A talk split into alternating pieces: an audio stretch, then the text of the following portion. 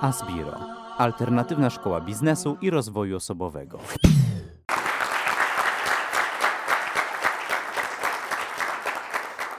Dziękuję bardzo. Czy teraz mnie troszkę słychać? E, to mam e, dwie propozycje logistyczne. E, Jacek Santorski twierdzi, że najlepszym interwałem czasowym pracy dla człowieka jest 90 minut, 20 przerwy, 90 minut. I tak możemy zrobić. To akurat będziemy mieli dwa razy 90 minut i w środku przerwę 20-minutową. Wtedy Państwo możecie zdążyć zaparzyć sobie kawę, albo możemy zrobić e, 10 minut co godzinę, czyli będą dwie przerwy po 10 minut. Co Państwo wybieracie? Dwie przerwy po 10 minut, tak? Nie. Jedna przerwa, bo wtedy łatwiej kawę tak, i tak dalej. Dobrze. Więc ja sobie ustawiam tutaj na godzinę, półtorej godziny. E, no i teraz tak, jeszcze najpierw ogłoszenia. Otóż e, materiał, tą prezentację, właściwie bardzo zbliżoną do tej prezentacji, sz- szerszą, tam, będzie, tam jest więcej slajdów, czyli tak zwana pełna wersja, mm, jest do pobrania z mojej witryny. Można inaczej com.pl się nazywa witryna. E, I tam, jest, I tam jest zakładka moje wykłady i warsztaty i tam Państwo musicie odszukać tą prezentację. Ona jest do pobrania bezpłatnie oczywiście. E, Jest też bezpłatnie do pobrania moja książka Doktryna Jakości e, w wersji PDF. Ta książka już jest wydrukowana i jest w sprzedaży, a właściwie kończy się już jej bycie w sprzedaży, bo już prawie 5 tysięcy egzemplarzy jest sprzedanych. W związku z czym wydawnictwo zamówiło u mnie nową wersję i nowa wersja będzie na jesieni. A ta, co jest w tej chwili w PDF-ie, jest już nowsza w stosunku do tego, co jest, co jest w druku. Także materiały dla Państwa są. E, Chcę również e, powiedzieć, ci z Państwa, którzy mnie słyszeli już, no to wiedzą, że ja mówię czasami bardzo dziwne rzeczy, e, które się nierzadko wydają całkiem absurdalne. No ale to tak jest, że każda nowa myśl, naprawdę nowa myśl wydaje się z początku absurdalna. To nie są oczywiście wszystko moje myśli, no ale dla wielu z Państwa mogą być nowe, jak na przykład taki pomysł, żeby zarządzać finansami bez budżetów. I o tym też będę dzisiaj mówił. Mm, W związku właśnie z tym, że to takie może być dziwne, chciałbym Państwa zaprosić do rozmowy w trakcie wykładu. E, Ja nie będę zostawiał czasu na dyskusję po wykładzie, ale w trakcie wykładu będziemy mieli dowolną ilość czasu, bo ja nie muszę wszystkiego powiedzieć. Nie jestem tutaj żadną eh, ramą programową, ministerialną, zobowiązany do tego, żeby wszystko powiedzieć. Moje zadanie, jakie sobie sam stawiam, jest takie, żeby Państwa zainteresować. A- A jak się zainteresujecie, to sobie resztę doczytacie. Więc najważniejsze jest, żebyśmy każdą okazję do rozmowy wykorzystali właśnie na to, żeby rozwiewać wątpliwości, ale Państwo też możecie własne przykłady z życia podawać, które jakoś wspierają to, co mówię, albo przeczą temu, co mówię. Właściwie zapraszam do każdego rodzaju dyskusji. Otóż e, ja mój wykład zatytułowałem Firma XXI wieku e, i chcę Państwu pokazać, jak moim zdaniem e, takie firmy będą wyglądały. Ale to nie będzie futurologia. Ja pokażę bardzo dziwne rozwiązania zarządcze, organizacyjne, mm, ale to nie jest futurologia, bo one wszędzie już gdzieś zostały wdrożone. I co więcej, wszędzie tam, gdzie zostały wdrożone, przynoszą bardzo wymierne wyniki biznesowe.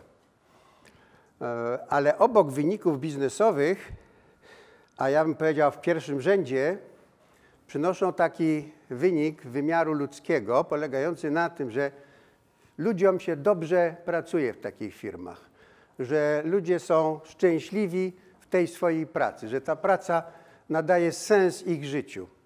I właśnie dlatego firma więcej pieniędzy zarabia. To nie jest tak, jak niektórzy sądzą, że firma musi być strasznie krwiożerczą organizacją, no bo taka jest, taki jest biznes. Nieprawda. Oczywiście, jak się popatrzy na biznes, to często on taki jest, ale to nie jest tak, że musimy kosztem wyników finansowych zrezygnować z takiego e, obozu pracy, e, czy karnego więzienia, że to właśnie obóz pracy i karne więzienie powodują całą masę komplikacji w firmach, a więc i całą masę kosztów. Mm, Pokażę Państwu na początek kilka, cztery atrybuty, takie typowe atrybuty świadczące o rozwiązaniach organizacyjnych w firmie. Pokażę, jak to było w XX wieku, jak to jest w XXI, przy czym tą granicę XX i XXI traktuję oczywiście bardzo umownie.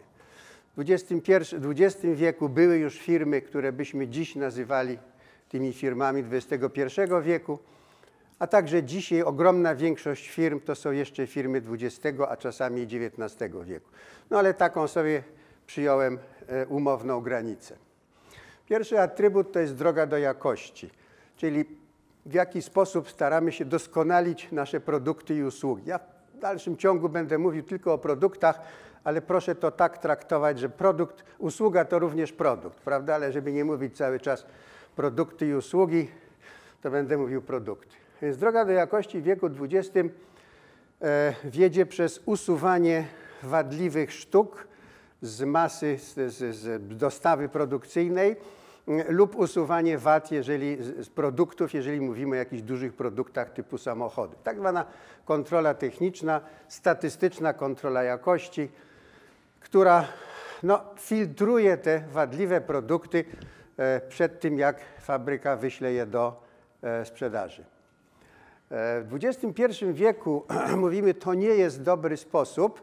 To oczywiście zmniejsza w jakiejś mierze liczbę wad, która trafia do klienta, ale bardzo małym stopniu wpływa na to, ile będzie wad w następnej partii.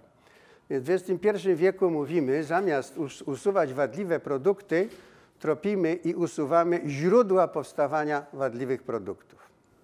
I to jest fundamentalna różnica. Druga sprawa, stosunek do człowieka. To jest sprawa najważniejsza i to jest sprawa najtrudniejsza. W XX wieku niestety, ale też nie wszędzie, niemniej w wielu firmach e, stosunki międzyludzkie są zbudowane na braku zaufania. No bo przecież ludzie z natury są leniwi i nieuczciwi. No my nie, ale ludzie tacy są. W związku z czym nie możemy mieć do ludzi zaufania. Oczywiście do nas ludzie powinni mieć zaufanie, ale my do ludzi nie możemy. Skoro nie mamy zaufania, no to musimy ludzi pilnować. Żeby oni się odpowiednio zachowywali pod naszym czujnym okiem, musimy wyposażyć się firmę w system kar nagród, czyli kijów i marchewek. I będziemy o tym więcej mówili. Brak zaufania to jest kontrola, kije i marchewki, żeby tą dyscyplinę utrzymywać. W XXI wieku budujemy na zaufaniu. Nie ma lepszej kontroli od samokontroli. Jeżeli człowiek ma poczucie, że to, co robi, jest komuś potrzebne, że jest ważne, że może być z tego dumny, że robi to coraz lepiej, że się rozwija, że ma różne pomysły innowacyjne, to to zrobi fantastycznie.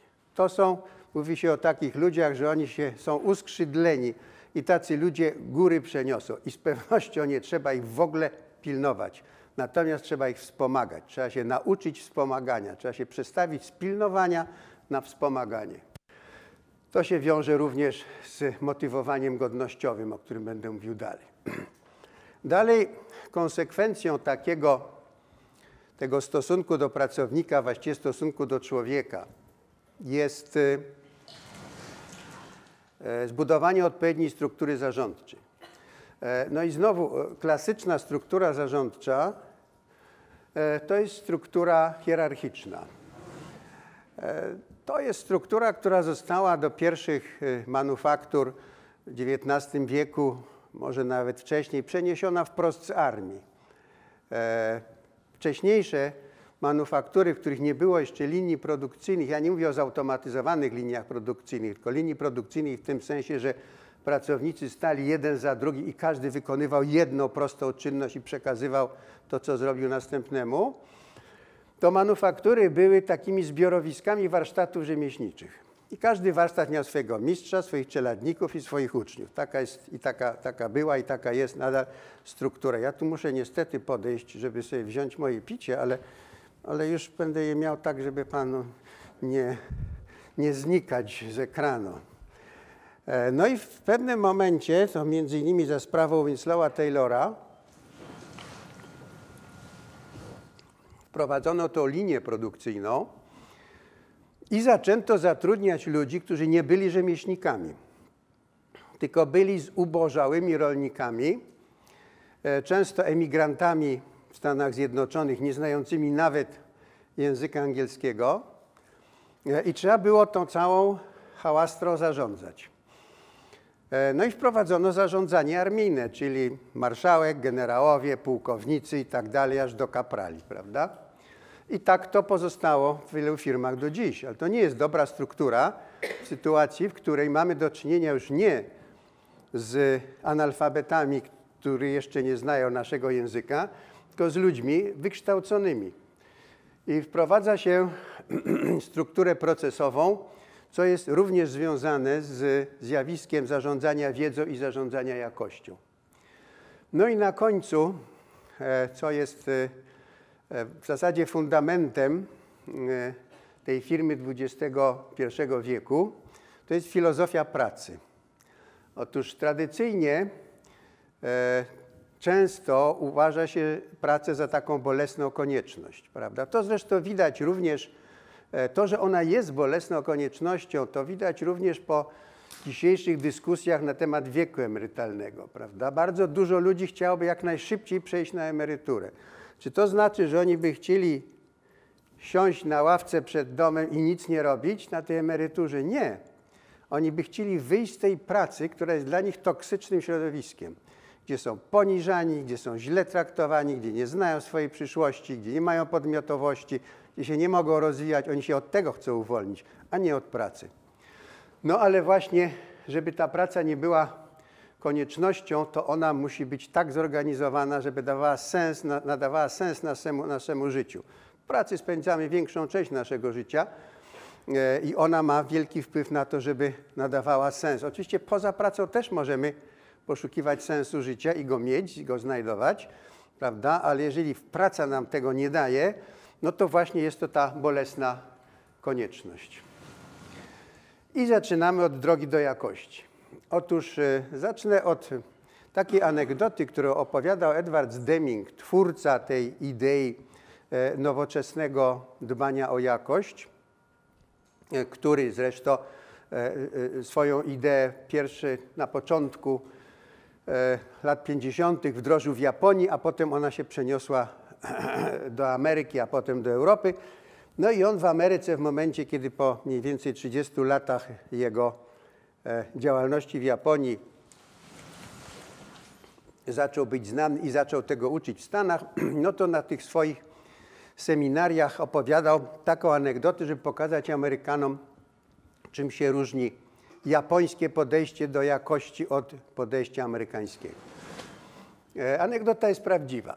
Pewien e, przedsiębiorca amerykański, który produkował urządzenia dla wojska, zamówił u japońskiego dostawcy 100 tysięcy podzespołów do tych swoich urządzeń. Ponieważ te urządzenia musiały mieć bardzo wysoką niezawodność, więc on e, w zamówieniu napisał, że dopuszcza się co najwyżej cztery wadliwe sztuki na każde 10 tysięcy podzespołów, prawda? Więc bardzo wyśrubowana norma jakości. Japończycy przyjęli to zamówienie i po jakimś czasie przyszła dostawa mm, tych 100 tysięcy e, i do tego przyszedł list, w którym było napisane y, coś takiego, że my Japończycy nie do końca zrozumieliśmy, o co wam chodzi z tą jakością, więc te cztery wadliwe sztuki dostarczamy osobno. Mamy nadzieję, że to panów zadowala. E, e, no to jest właśnie ta różnica pomiędzy usuwaniem wad, a usuwaniem źródeł powstawania wad. Otóż y, wracając do tego, e, usuwanie wad w stylu XX wieku polega na tym, że jak produkt opuszcza fabrykę, no czy tam opuszcza linię produkcyjną, no to tam na, na, na końcu stoi e, brakarz, który albo przegląda się wszystkim produktom i tam pod jakimś kątem je sprawdza, e, no albo jeżeli to jest bardzo masowa produkcja, no to się robi tak zwaną próbę statystyczną, losuje się Potem się tą próbkę, elementy tej próbki przegląda bardzo dokładnie. No i jeżeli ta frakcja błędów w próbce jest powyżej tego, na co się firma z sobą umówiła, no to cała produkcja wraca do fabryki, a jak nie jest wyższa, to cała idzie do klienta. W XXI wieku dbamy o jakość, tak jak powiedziałem, przez poszukiwanie i usuwanie źródeł powstawania wad. I zaczynamy od dostawcy. Bo przecież jeżeli dostawca nam dostarczy urządzenia wadliwe, no to te wady pozostaną, zostaną wbudowane w nasze. Czy urządzenia, czy produkty, prawda? To może być e, wada w, w, w surowcu żywnościowym. Więc zaczynamy od ustawienia jakości u naszych dostawców. I rzeczywiście firmy azjatyckie, które dzisiaj instalują się w Polsce, e, instalują produkcję, zaczynają od tego, że wybierają sobie grupę dostawców i do każdego z nich wysyłają z kolei swoich instruktorów jakości, żeby tam ustawić procesy. Potem najwięcej pracy idzie na firmę, czyli tutaj przeglądamy dokładnie wszystkie procesy, wszystkie czynności, procedury i poszukujemy tych źródeł powstawania wad. Oczywiście samym produktem też się interesujemy, ale nie przestajemy się interesować produktem po jego sprzedaży. Dbamy o jakość naszego produktu również u klienta. To zresztą ma miejsce. To jest dosyć powszechne, to, że dbamy o jakość produktu u klienta. No na przykład wyposażając klienta w instrukcję obsługi, prawda? I ta instrukcja obsługi dotyczy nie tylko urządzeń technicznych w rodzaju samochód czy telefon komórkowy, ale również e, zamrożonego, zamrożonej żywności gdzie jest napisane, prawda, w jakiej temperaturze może być, musi być przechowywana, do kiedy może być e, zużyta, e, że jak się ją rozmrozi, to już drugi raz nie, nie wolno zamrażać. No to jest dbanie o jakość naszego produktu u klienta. No i teraz okazuje się, że te dbanie o jakość w sposób tradycyjny, czego, e, co nikogo nie zaskoczy oczywiście, kosztuje. Kosztuje czas i pieniądze. No ktoś to musi robić. Ponadto kosztuje jeszcze takim dodatkowym kosztem, e, o którym się często zapomina, jest koszt tych wadliwych produktów, na których wyprodukowanie ponieśliśmy nakłady, ale które nie przyniosły wartości dodanej, bo nie zostały sprzedane. A jeszcze czasami utylizacja kosztuje, prawda? Więc to jest jasne. Jest jasne również, że ten koszt jakości, tak rozumianej jakości, jest kosztem zmiennym. Kosztem zmiennym to znaczy, że on zależy od wolumenu produkcji. Im więcej produkujemy, im więcej sprzedajemy, no to proporcjonalnie więcej musimy wydać na to dbanie o jakość. To jest dosyć jasne. Ta sytuacja się całkowicie zmienia w tym drugim modelu. Okazuje się bowiem, że wydatki na jakość nie mają charakteru kosztów zmiennych, tylko kosztów inwestycyjnych, które się zwracają. Znaczy, trzeba wydać ileś pieniędzy, żeby zidentyfikować te źródła błędów i je usunąć. Ale potem to się zaczyna zwracać, bo mamy coraz mniej reklamacji, coraz mniej wymian gwarancyjnych, coraz mniej napraw gwarancyjnych, coraz mniej utraty klienta. W sumie dbanie o jakość w tym sensie powoduje obniżenie kosztów i skrócenie czasów. Dlaczego skrócenie czasów? Ano dlatego, że jak się zaczynamy przyglądać wszystkim procesom produkcyjnym, organizacyjnym pod kątem powstawania wad, to tak przy okazji znajdujemy najczęściej całą masę czynności, które nie są potrzebne, a które oczywiście tworzą koszt. No bo jeżeli ktoś coś robi, no to chociażby jest to koszt tego czasu, który na to poświęca. I to usuwanie czynności nieprzynoszących wartości dodanej z procesu nazywa się odchudzaniem procesu. I stąd ta, e, to pojęcie lean management, lean production, odchudzone zarządzanie, odchudzona produkcja. To Państwo pewno słyszeli e, o tych ideach. Więc okazuje się, że to jest znacznie bardziej skuteczniejsze. No i to jedną z takich czołowych firm, jeżeli chodzi o umiejętność utrzymywania wysokiej jakości właśnie w tym duchu, od zawsze była i nadal jest Toyota. E, Toyota, która, o której jeszcze będę wracał kilka razy, bo to jest taki koronny przykład dobrze zarządzanej firmy. Toyota, która e, mimo, że jest w tej chwili drugą na świecie co do wielkości motoryzacyjną firmą świata, a przed połączeniem się Mercedesa z, nie pamiętam, którą już marką amerykańską, była numer jeden, to jest jednocześnie najzyskowniejszą. Nie w sensie wolumenu zysku, tylko w, se, w sensie marży, czyli w sensie zyskowności, stopy zysku. To jest dość niespotykane zjawisko, żeby firma największa lub druga największa była jednocześnie najzyskowniejszą. Zwykle jest tak, że im większa firma, im większy wolumen sprzedaży, tym cieńsza marża, prawda? E, a, a tutaj oni, Toyota uzyskuje 40% średnio rzecz biorąc wyższą marżę niż Honda. No i teraz e, mówiliśmy o tej, ta droga, ta droga, ta nowoczesna droga do jakości, obudowana różnymi oczywiście narzędziami, nazywa się Total Quality Management, czyli TQM, zarządzanie kompleksową jakością. I to, jak mówiłem, w 50 latach Deming zaczął budować w Japonii, tak? To, co Pan mówi, odnosi się do tego, co dzisiaj słyszymy na temat specjalnie wbudowanych wad w telefony, w auta, to, że silniki się psują e, danej marki po 200 tysiącach i tak dalej. Tak? Gdzie To jest, to jest po prostu, jest e, to jest nieuczciwe. Znaczy zawsze ukraść jest taniej e, i szybciej się można wzbogacić kradnąc niż budując firmę. No tylko, że to jest na krótką metę działanie. No ale to jest po prostu nieuczciwe, to jest kradzież. E, No i o kradzieży nie mówimy. Na krótką metę uczciwy z nieuczciwym przegra, ale na długą, jak pokazują dzieje świata, wygrywa. No tyle mogę powiedzieć na ten temat. Nie, nie traktuję tego jako e, cnoty menedżerskiej, żeby wbudowywać właśnie w urządzenia e, takie moduły, o których wiadomo, kiedy się zepsują. Że na są firmy, które już są. No, ale może od niedawna to stosują. Poza tym, co za, zależy, co znaczy e, e, krótka meta. No, średnio dzisiaj, ż- średni czas życia firmy to jest e, 30 lat. A na przykład w firmach rodzinnych są firmy wielopokoleniowe, prawda, które mają znacznie więcej lat niż 30.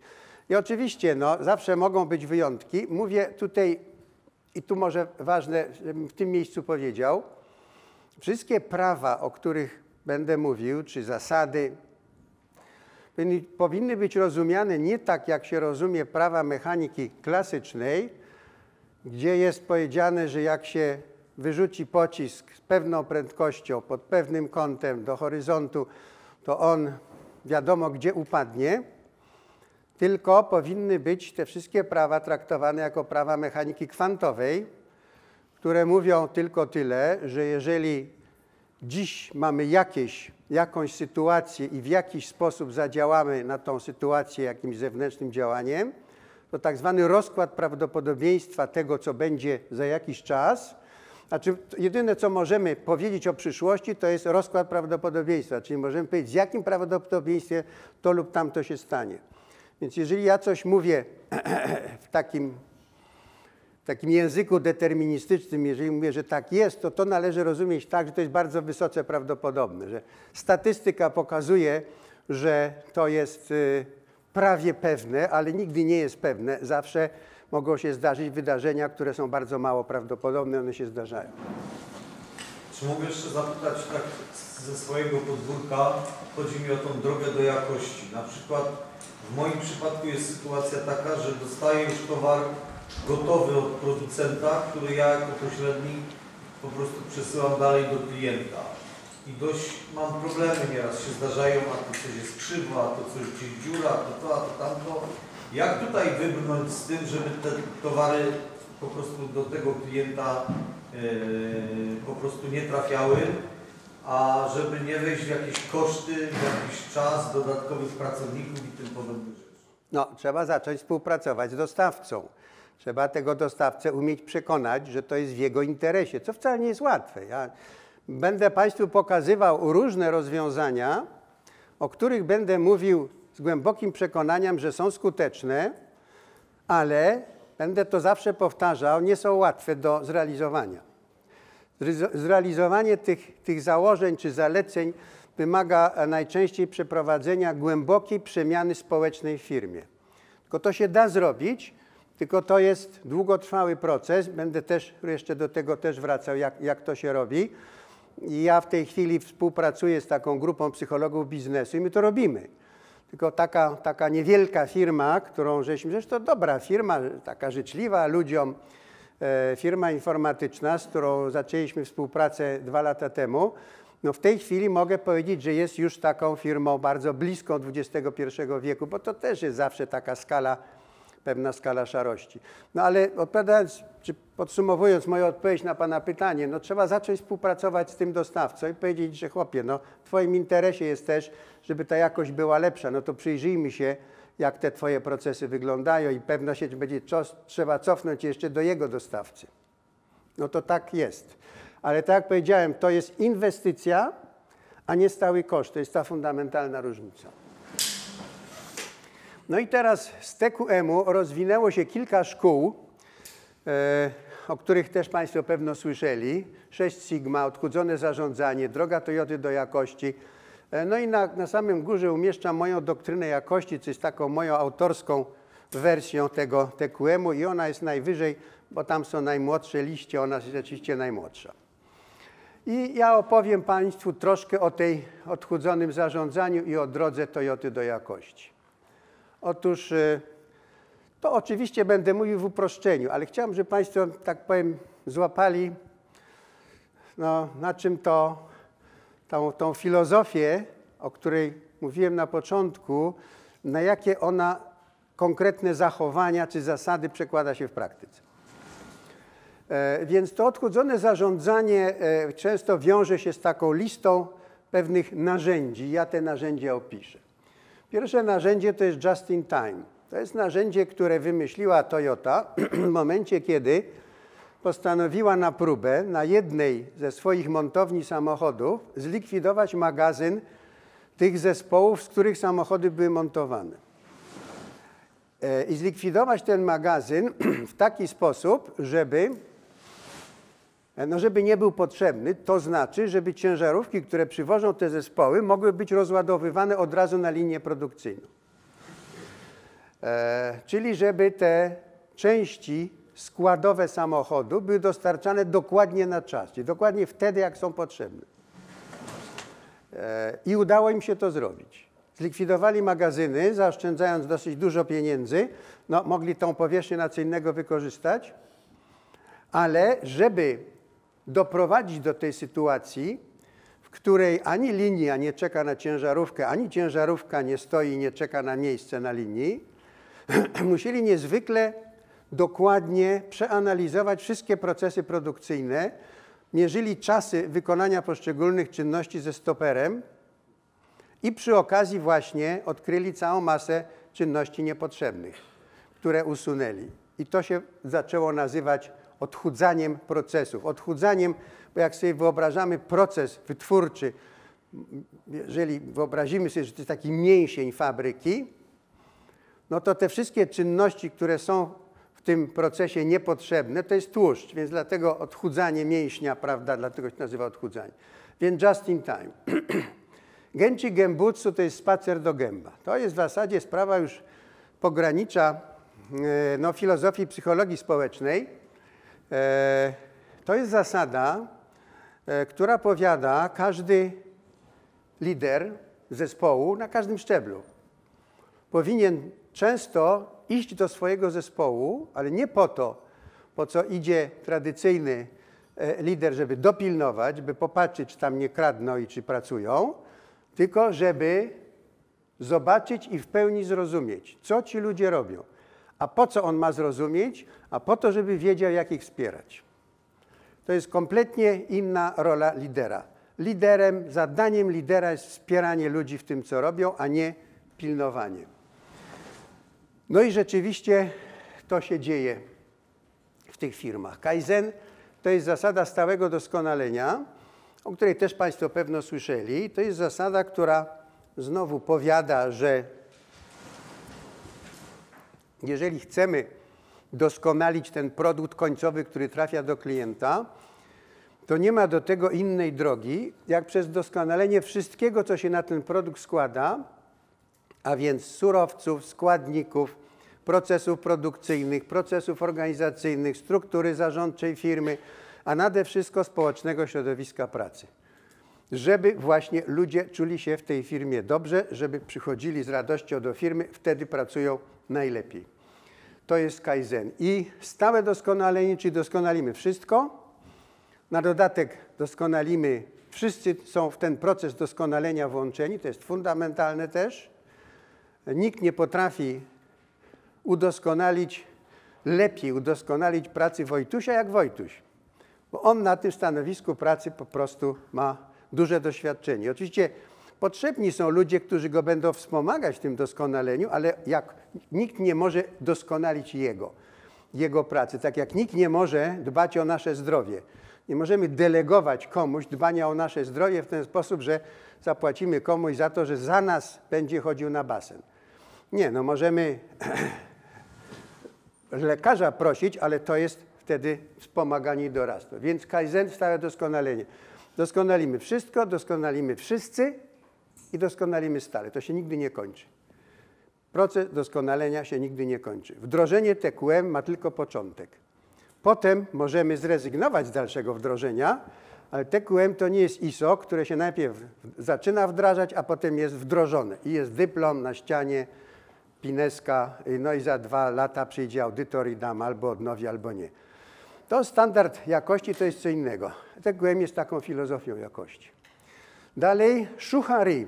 Trzy etapy uczenia się, niezwykle ważne. To jest e, z kolei stosowane najczęściej tam, gdzie mówimy o uczeniu się wykonywania pewnej pracy manualnej. Pierwszy etap, szu, chronić przed porażką. Uczący się stoi obok mistrza, wykonuje tą czynność, a mistrz ma obowiązek zatrzymać jego rękę, kiedy on miałby popełnić błąd. Tu chodzi o to, żeby nie nabierać złego nawyku. To, co Państwo możecie obserwować e, przy nauce sportów. E,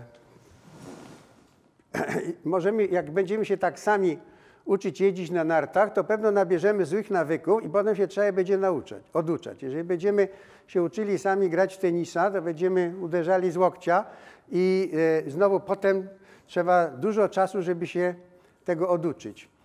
E, więc ten etap szu polega na tym, że mistrz stoi koło tego, który się uczy i nie pozwala mu popełnić błędu. Robisz powoli, możesz się zastanawiać, możesz się cofać, ale żebyś nie popełnił błędu.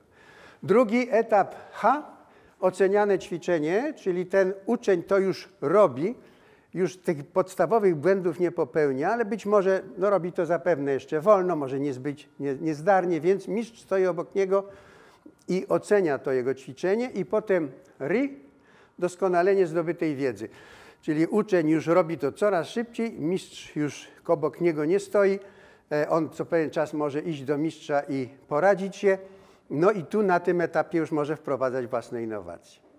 I powiem Państwu, jak to się w praktyce odbywało, kiedy mój syn uczył się od mistrza Zen grafiki japońskiej. Otóż grafikę japońską maluje się takim bardzo grubym pędzlem, robiąc znaki na papierze, przy czym niczego nie można poprawiać. Robi się znak, który jest taką łezką. Zaczyna się cienko, a kończy się grubo. I jak on zostanie narysowany, to nic nie można wykończyć. Po prostu to robi się drugi znak. I on to uczył się tak, że były dwa kartony i mistrz, on, mój syn brał pędzel w rękę, a mistrz brał jego rękę, swoją rękę i prowadził tą rękę i robił takich pięć znaczków i mówi, a teraz powtórz natychmiast. Z taką pamięcią, bo tu mamy taką pamięć ruchową, prawda?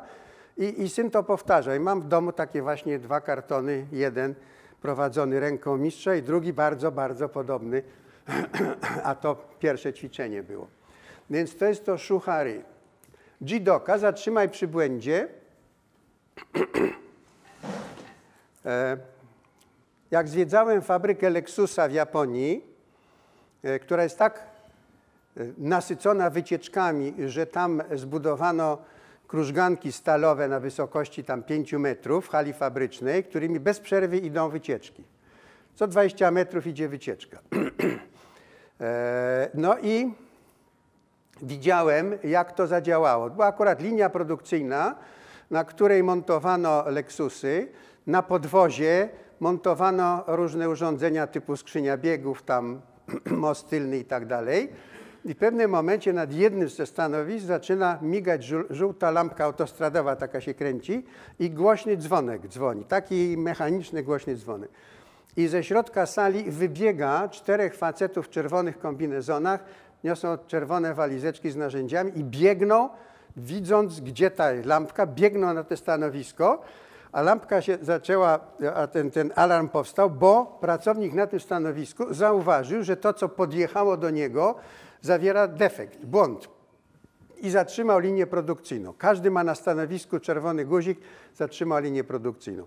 A cała sala, tam kilkaset osób pracowało, bije mu brawo, żeby podziękować koledze za to, że uniemożliwił prawda, przedostanie się błędnego produktu do klienta. Zatrzymaj przy błędzie.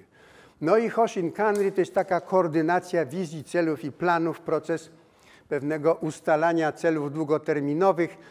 E, W pewnym uproszczeniu można powiedzieć, to wygląda w ten sposób, że jeżeli ma się odbyć jakaś ważna dyskusja w zespole, to szef obchodzi na początku wszystkich członków zespołu i z każdym rozmawia na ten temat, wypytując go o jego stanowisko. A potem jak się zbiorą, to on już zna wszystkie stanowiska, krótko je referuje i podejmuje się decyzję.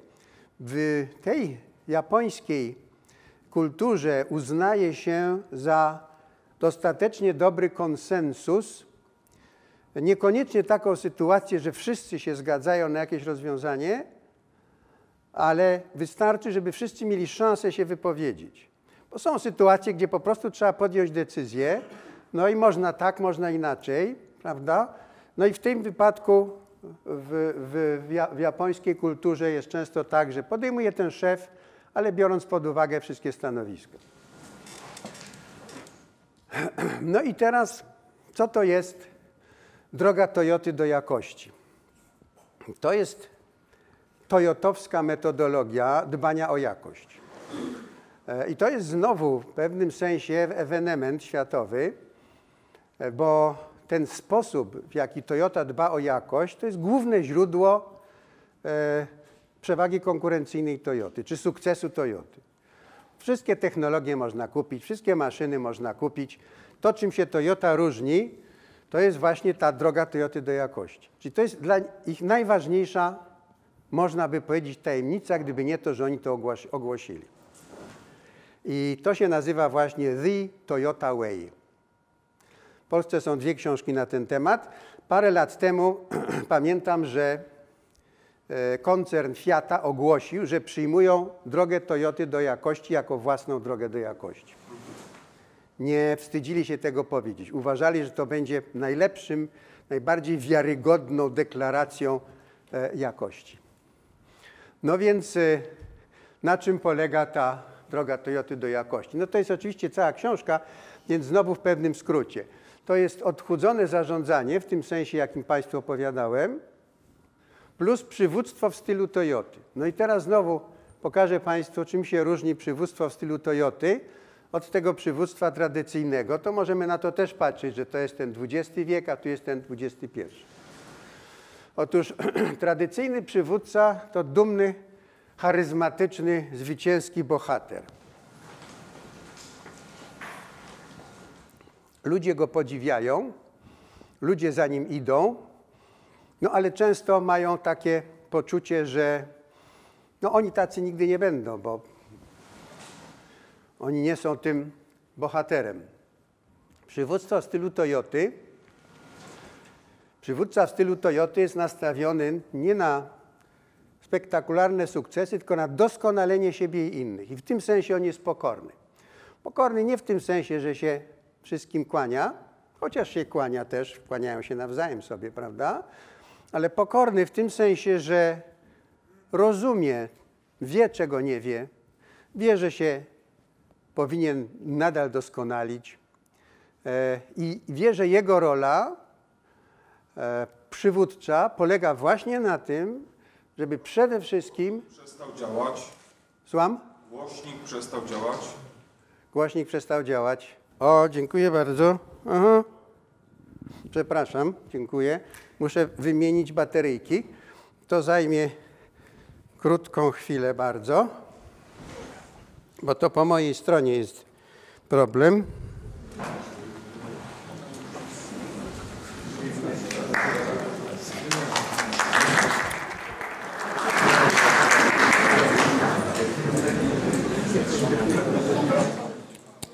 Teraz czy ja to dobrze wkładam.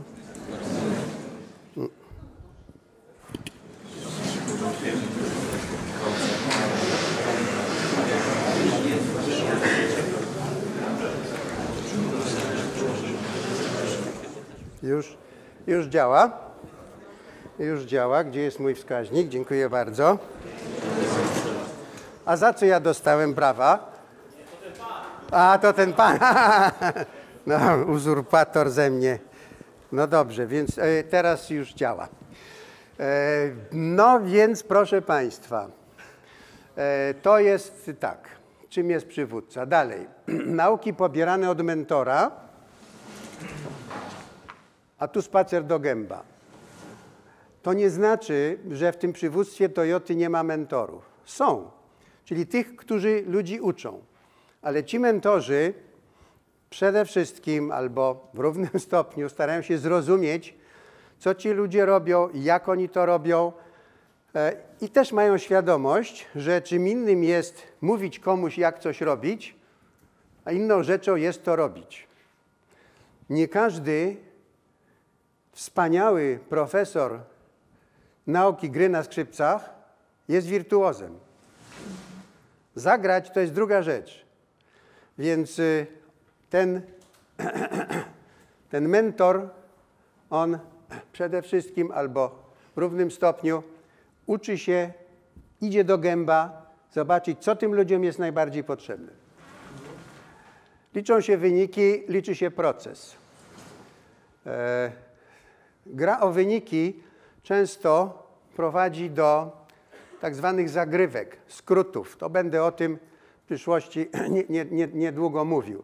Natomiast wyniki można łatwo osiągnąć bez wykonania tej pracy, którą rzeczywiście należałoby wykonać. Wyniki można oszukać, procesu nie. Więc tu się skupiamy na tym, jak wygląda proces i doskonalimy ten proces. Ale to wyjaśnię dalej. Zatrudniamy najlepszych, co się wydaje, no, no a co mamy najgorszych zatrudniać? Tylko problem jest w tym, jak odróżnić tych najlepszych od nie najlepszych, kiedy ich zatrudniamy. I najczęściej, bardzo często w każdym razie popełniamy tutaj błędy.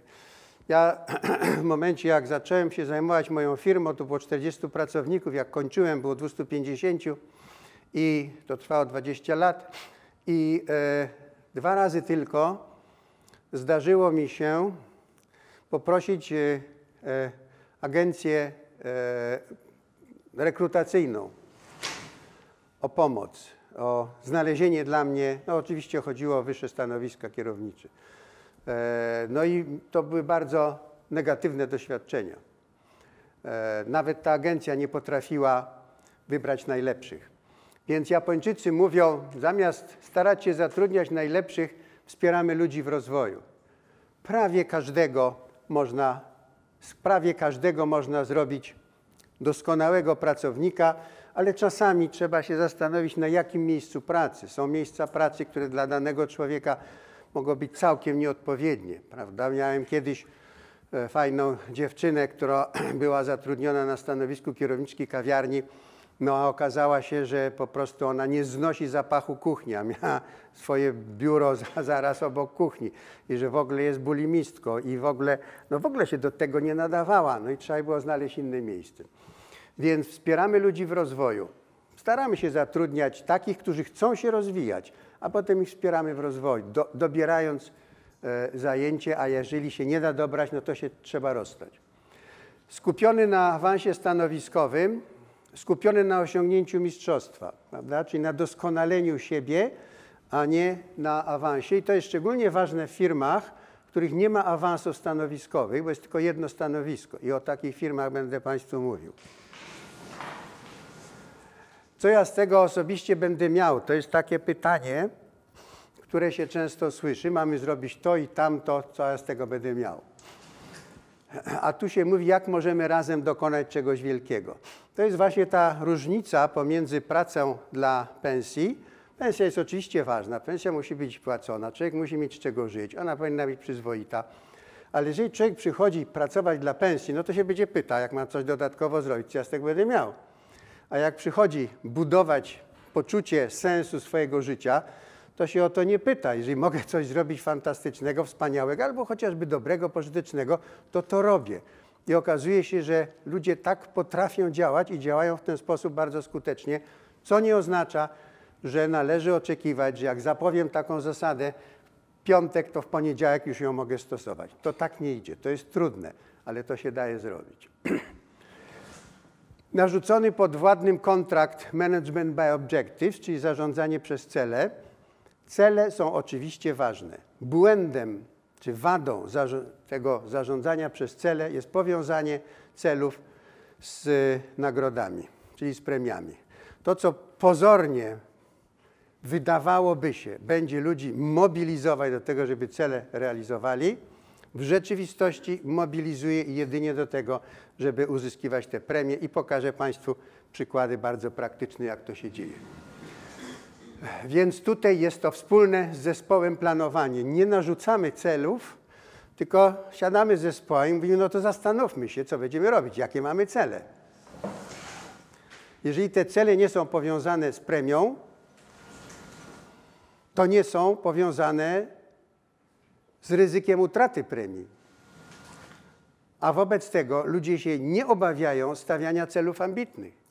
Bo jak cel jest powiązany z premią, żeby dostać premię, musi osiągnąć cel, no to nie będę stawiał celów ambitnych. Będę stawiał cele jak najłatwiejsze. Będę się targował, żeby one nie były za trudne. Ale jak nie są powiązane z premią, no to każdy ma naturalną potrzebę właśnie bycia dumnym z siebie.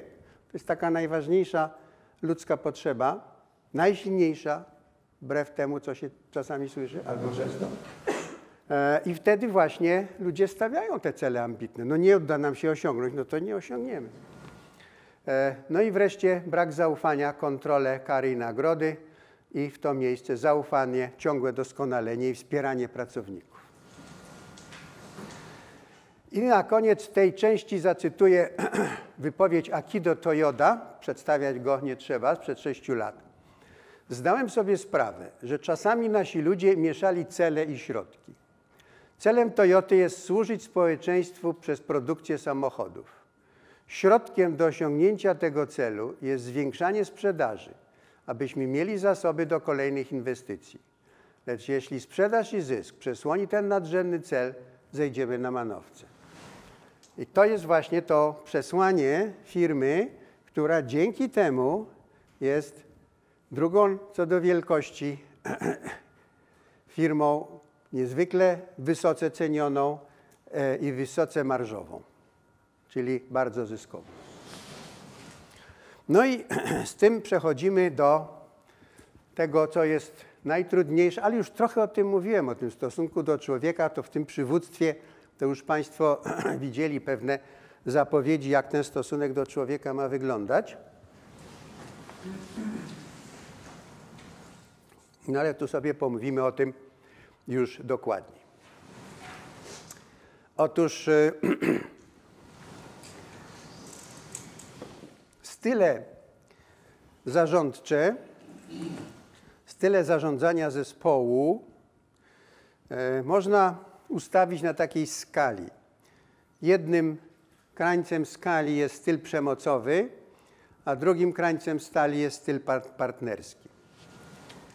Wielu liderów wybiera styl przemocowy. Ci liderzy mają czasami takie wrażenie, że wybierają styl, który jest w jakiejś mierze wygodny. No wreszcie, jak mam władzę, no to po to, żebym ją stosował. E, Na dodatek, e, skoro ja rozkazuję, e, to wobec tego zespołu ja nic nie muszę. Muszą tylko oni. To jest taka też komfortowa sytuacja. No ale właśnie tutaj lider przemocy się myli. Lider przemocy bardzo wiele rzeczy musi, właśnie dlatego, że jest liderem przemocy. Po pierwsze, musi sam wszystkiego dopilnować, bo my ludzie nie lubimy być zmuszani. E, Bo kiedy w ogóle dochodzi do zmuszania? No tylko wtedy, jeżeli bez zmuszania byśmy czegoś nie zrobili. Czyli z definicji słowa zmuszać wynika, że dotyczy to jedynie takiej sytuacji, kiedy zmusza się nas do czegoś, czego byśmy nie robili bez zmuszania, no to nie lubimy takiego odrania, który nas zmusza. Często jest zresztą tak, że już to samo potem samo nakręcająca się jest sytuacja, ponieważ nie lubimy tego drania, to nie lubimy niczego, czego on by od nas oczekiwał. Więc taki człowiek musi sam wszystkiego dopilnować, musi być podejrzliwy i musi pamiętać, że każde słowo przeciwko niemu będzie wykorzystane, bo jak się nas, ludzi, zmusza, to my budujemy w sobie nieświadomie nawet taki syndrom, który się nazywa już ja cię dopadnę, ty draniu. No chcemy tego drania dopaść. I jak jest nas więcej, to go zawsze dopadniemy. I to dopadanie szefa, to jeszcze będziemy do tego, do tego wracać, ale to się zaczyna od takich dowcipów, tak zwany ostracyzm korytarzowy, prawda? Wszyscy się kłaniamy, ale jak wychodzimy na korytarz, no to o tym starym się opowiada różne wice, prawda? Zabawne. No ale to, czego lider przemocy, to co lider przemocy musi, to jeszcze nic, e, to nie jest jeszcze tak kosztowne, mm, jak to, czego się pozbawia. E, Otóż e, pozbawia się przede wszystkim źródeł najważniejszych informacji. Najważniejsze informacje dla lidera to informacje o tym, co idzie źle, a także o tym, co ludziom przeszkadza w pracy. Kiedy wchodzę z moimi partnerami do firmy, żeby wspomóc ją w doskonaleniu, e, to zaczynamy najpierw od treningu komunikacyjnego i treningu uważności. Uczymy ludzi rozmawiać ze sobą w taki sposób, żeby móc umieć wszystko powiedzieć, co chcemy powiedzieć, nie raniąc tej drugiej osoby, nie wywołując reakcji obronnej. Zaczynamy od coachingów, potem robimy komunikację w małych grupach. To zwykle zajmuje pierwsze pół roku. No niestety tak to jest. Nawet bardzo dobrych takich firmach, gdzie jest fajna atmosfera, o pewnych rzeczach ludzie się boją mówić. I potem, kiedy już ten pierwsza, ta, bariera tego niepokoju, lęku zostanie przełamana, grupie warsztatowej zadajemy pytanie: podajcie nam pięć najważniejszych barier, na jakie napotykacie w waszej pracy. Co najbardziej przeszkadza w codziennej pracy? I ludzie piszą te bariery. I wychodzi taka lista 40-60 barier. Potem się jeszcze na nie głosuje punktami, wychodzi hierarchia. E, I to są te najważniejsze źródła informacji. Powiem Państwu, ja przeprowadziłem ten warsztat nie wiem ile razy, między 50 a 100 w ciągu ostatnich 20 lat. I zawsze jestem absolutnie powalony na kolana rozmiarem wiedzy o firmie, która jest udziałem pracowników, a która nie była nigdy wykorzystana. Bo każda bariera to jest wskazanie kierunku doskonalenia firmy. Bo usunięcie bariery to jest poprawa komfortu pracy, a zatem praca jest bardziej wydajna. Pracownicy robią mniej błędów, mniej się męczą, e, no i obniżają się koszty.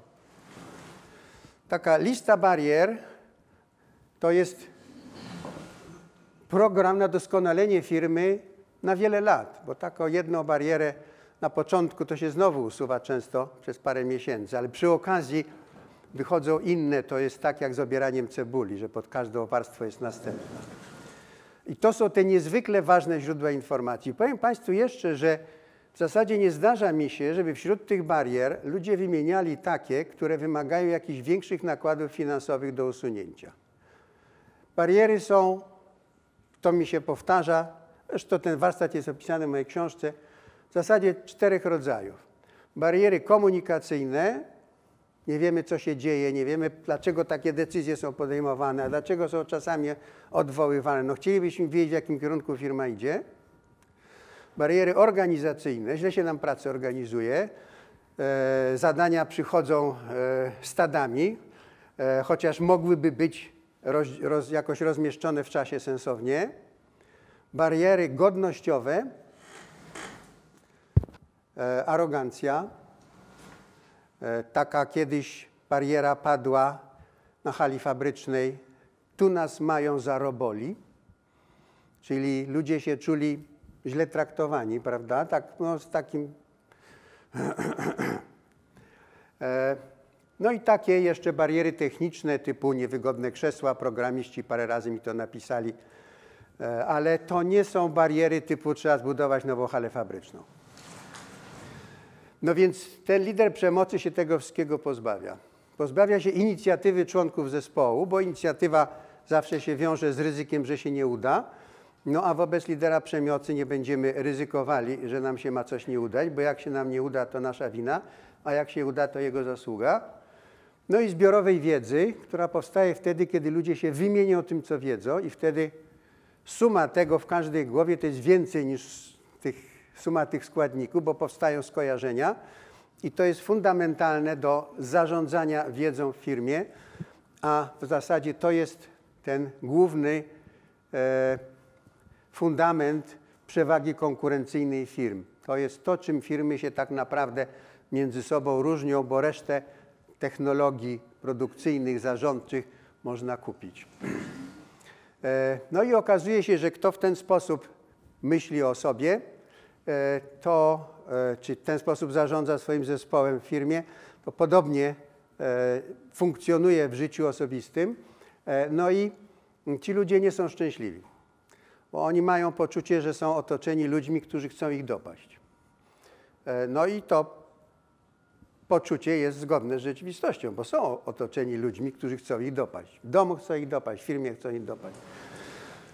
No więc teraz partnerstwo. Otóż lider partnerstwa też wiele rzeczy musi, z wyjątkiem jednej. Nie musi nikogo pilnować. Tutaj sam muszę dopilnować wszystkiego. Wychodzę, przychodzę przed pierwszą zmianą, wychodzę po, po, po ostatniej zmianie. Tu niczego nie muszę pilnować. Muszę ludzi wspierać, ale muszę wiele innych rzeczy. Przede wszystkim muszę pokazać siebie takim, jakim jestem. Muszę umieć być otwartym. Czyli jak nie wiem, to mówię nie wiem. Jak się boję, to mówię boję się. Siądźmy razem, zastanówmy się. Jak zrobię błąd, to mówię przepraszam was, zrobiłem błąd. No, musimy teraz naprawić jego skutki i najlepiej też jeszcze usunąć przyczynę tego błędu. No, ale zrobiłem, no to mówię, że zrobiłem. No. Każdy ma prawo zrobić błąd, wy też, no ale jak się zrobiło błąd, to trzeba usunąć skutki i, i może źródła. E, I to wcale nie jest takie łatwe. Oczywiście technicznie tak, no co to za technicznie to nie jest problem powiedzieć nie wiem, prawda, ale emocjonalnie już jest. E, Jacek Santorski mówi, e, pokazać siebie takim, jakim jestem, to znaczy być sobą, tak? Żeby być sobą, trzeba być kimś. Czyli trzeba mieć poczucie, nie w sensie kimś, w sensie celebrytą, tylko trzeba mieć szacunek do siebie. Jeżeli nie mam szacunku do siebie, no to będę ukrywał to, jaki jestem, bo uważam, że to nie jest dostatecznie doskonałe. No, Moje dzieci są otwarte i pokazują swoje małe dzieci są otwarte, ale potem my dorośli ich oduczamy tego. E, właśnie, z emocjami to też jest bardzo ważna rzecz, bo często się słyszy tylko bez emocji, tylko bez emocji. Otóż nie można żyć bez emocji, tak jak bez oddychania nie można żyć, nie można żyć bez emocji. Trzeba tylko umieć panować nad tymi emocjami. Na przykład zamiast wyrażać emocje, to się też z tym wszystkim wiąże. Budowanie dobrej relacji to jest dobra komunikacja. Dobra komunikacja to jest dobra komunikacja również w sytuacjach konfliktowych i w sytuacjach, kiedy jestem naładowany emocjonalnie. I tutaj nie będę tego dalej rozwijał, ale powiem właśnie jedną rzecz. Tutaj taką techniką jest stosowanie komunikatu ja zamiast komunikat ty. Komunikat ty mówi, jaki ktoś jest. Jesteś nieodpowiedzialny i na dodatek leniwy. Miałeś to zrobić, nie zrobiłeś. To jest komunikat ty. Komunikat ja mówi o tym, jak ja się czuję w związku z tym, jak ktoś postąpił. Nie jaki on jest, jak ja się czuję. Mówi, jestem wściekły. No wiesz, zawiodłeś mnie, czuję się strasznie zawiedziony, czuję się zirytowany na ciebie i teraz jeżeli komuś mówię, że jest nieodpowiedzialny, no to on się będzie bronił. Powie, jak nieodpowiedzialny? To ty jesteś nieodpowiedzialny. Jak ja komuś powiem, że, że się źle czuję, że jestem na ciebie okropnie zły, to nie może powiedzieć, że nie mam racji. Może powiedzieć, że nie mam powodu, żeby być zły. No ja może i nie mam, ale jestem. Taki jest fakt biologiczny, więc jak nie mam powodu, to mnie o tym przekonaj. Zamiast wyrażać emocje krzykiem, mimiką twarzy, gestami, opowiedz o niej. Powiedz, jestem na ciebie wściekły i chętnie bym ci tyłek skopał. No niestety nie mogę. No i, prawda? To oczywiście też może być odebrane z drugiej strony w sposób bardzo agresywny, ale to jest właśnie, to o to właśnie chodzi, żeby być asertywnym, czyli umieć mówić, zaraz panu udzielę głosu, żeby mówić, um, umieć mówić o swoich emocjach, zamiast je okazywać. Bardzo proszę. W jaki sposób w takim razie w sposób asertywny w firmie wprowadzić pewne mechanizmy, które prowadzą do tego, że ludzie, mm, pracownicy rzeczywiście postępują asertywnie. Y, Zwykle spotykałem się z tym, że ciężko o inteligencję emocjonalną, o której Pan Tak, tak. No więc e, to, co Państwu powiedziałem na początku, czyli tam gdzieś w środku, że jak wchodzę z ekipą, żeby wspomóc firmę, my nie naprawiamy firmy, my wspomagamy firmę w doskonaleniu. To zaczynamy mniej więcej od półrocznego treningu komunikacyjnego. I to jest ten trening, gdzie się ludzie uczą asertywności. My im nie mówimy o asertywności. My ich tego uczymy praktycznie. Zaczynamy od prostego ćwiczenia. Sadzamy w pary. Ja zresztą to też robię często na studia ze słuchaczami. Sadzamy w pary. Powiemy, to są jedynki, to są dwójki. E, Teraz przez 5 minut jedynka będzie opowiadać o tym, co jej się fajnego ostatnio udało zrobić w życiu, a dwójka będzie słuchać w sposób aktywny, czyli nie przerywając, ale dopytując, zachęcając do rozmowy, a potem się zamienicie rolami, a potem opowiecie o swoich doświadczeniach. To jest takie pierwsze ćwiczenie. I ludzie zaczynają po jakimś czasie czuć, na czym to, ta asertywność polega i zaczynają się w ten sposób zachowywać. Tego się nie uczy metodą wykładową ani książkową, tego się uczy metodą warsztatową, czyli właściwie wyrabia się pewnego rodzaju nawyki. Musi umieć być asertywnym, wracam do tego, to znaczy umieć bronić swoich racji, ale bez odwoływania się do argumentów przemocowych, a także musi umieć zgodzić się z racjami drugich, e, ale bez uległości. Jeżeli ktoś godzi się z każdym, z kim rozmawia, to to nie jest postawa asertywna. To taka osoba jest po prostu niewiarygodna. Prawda?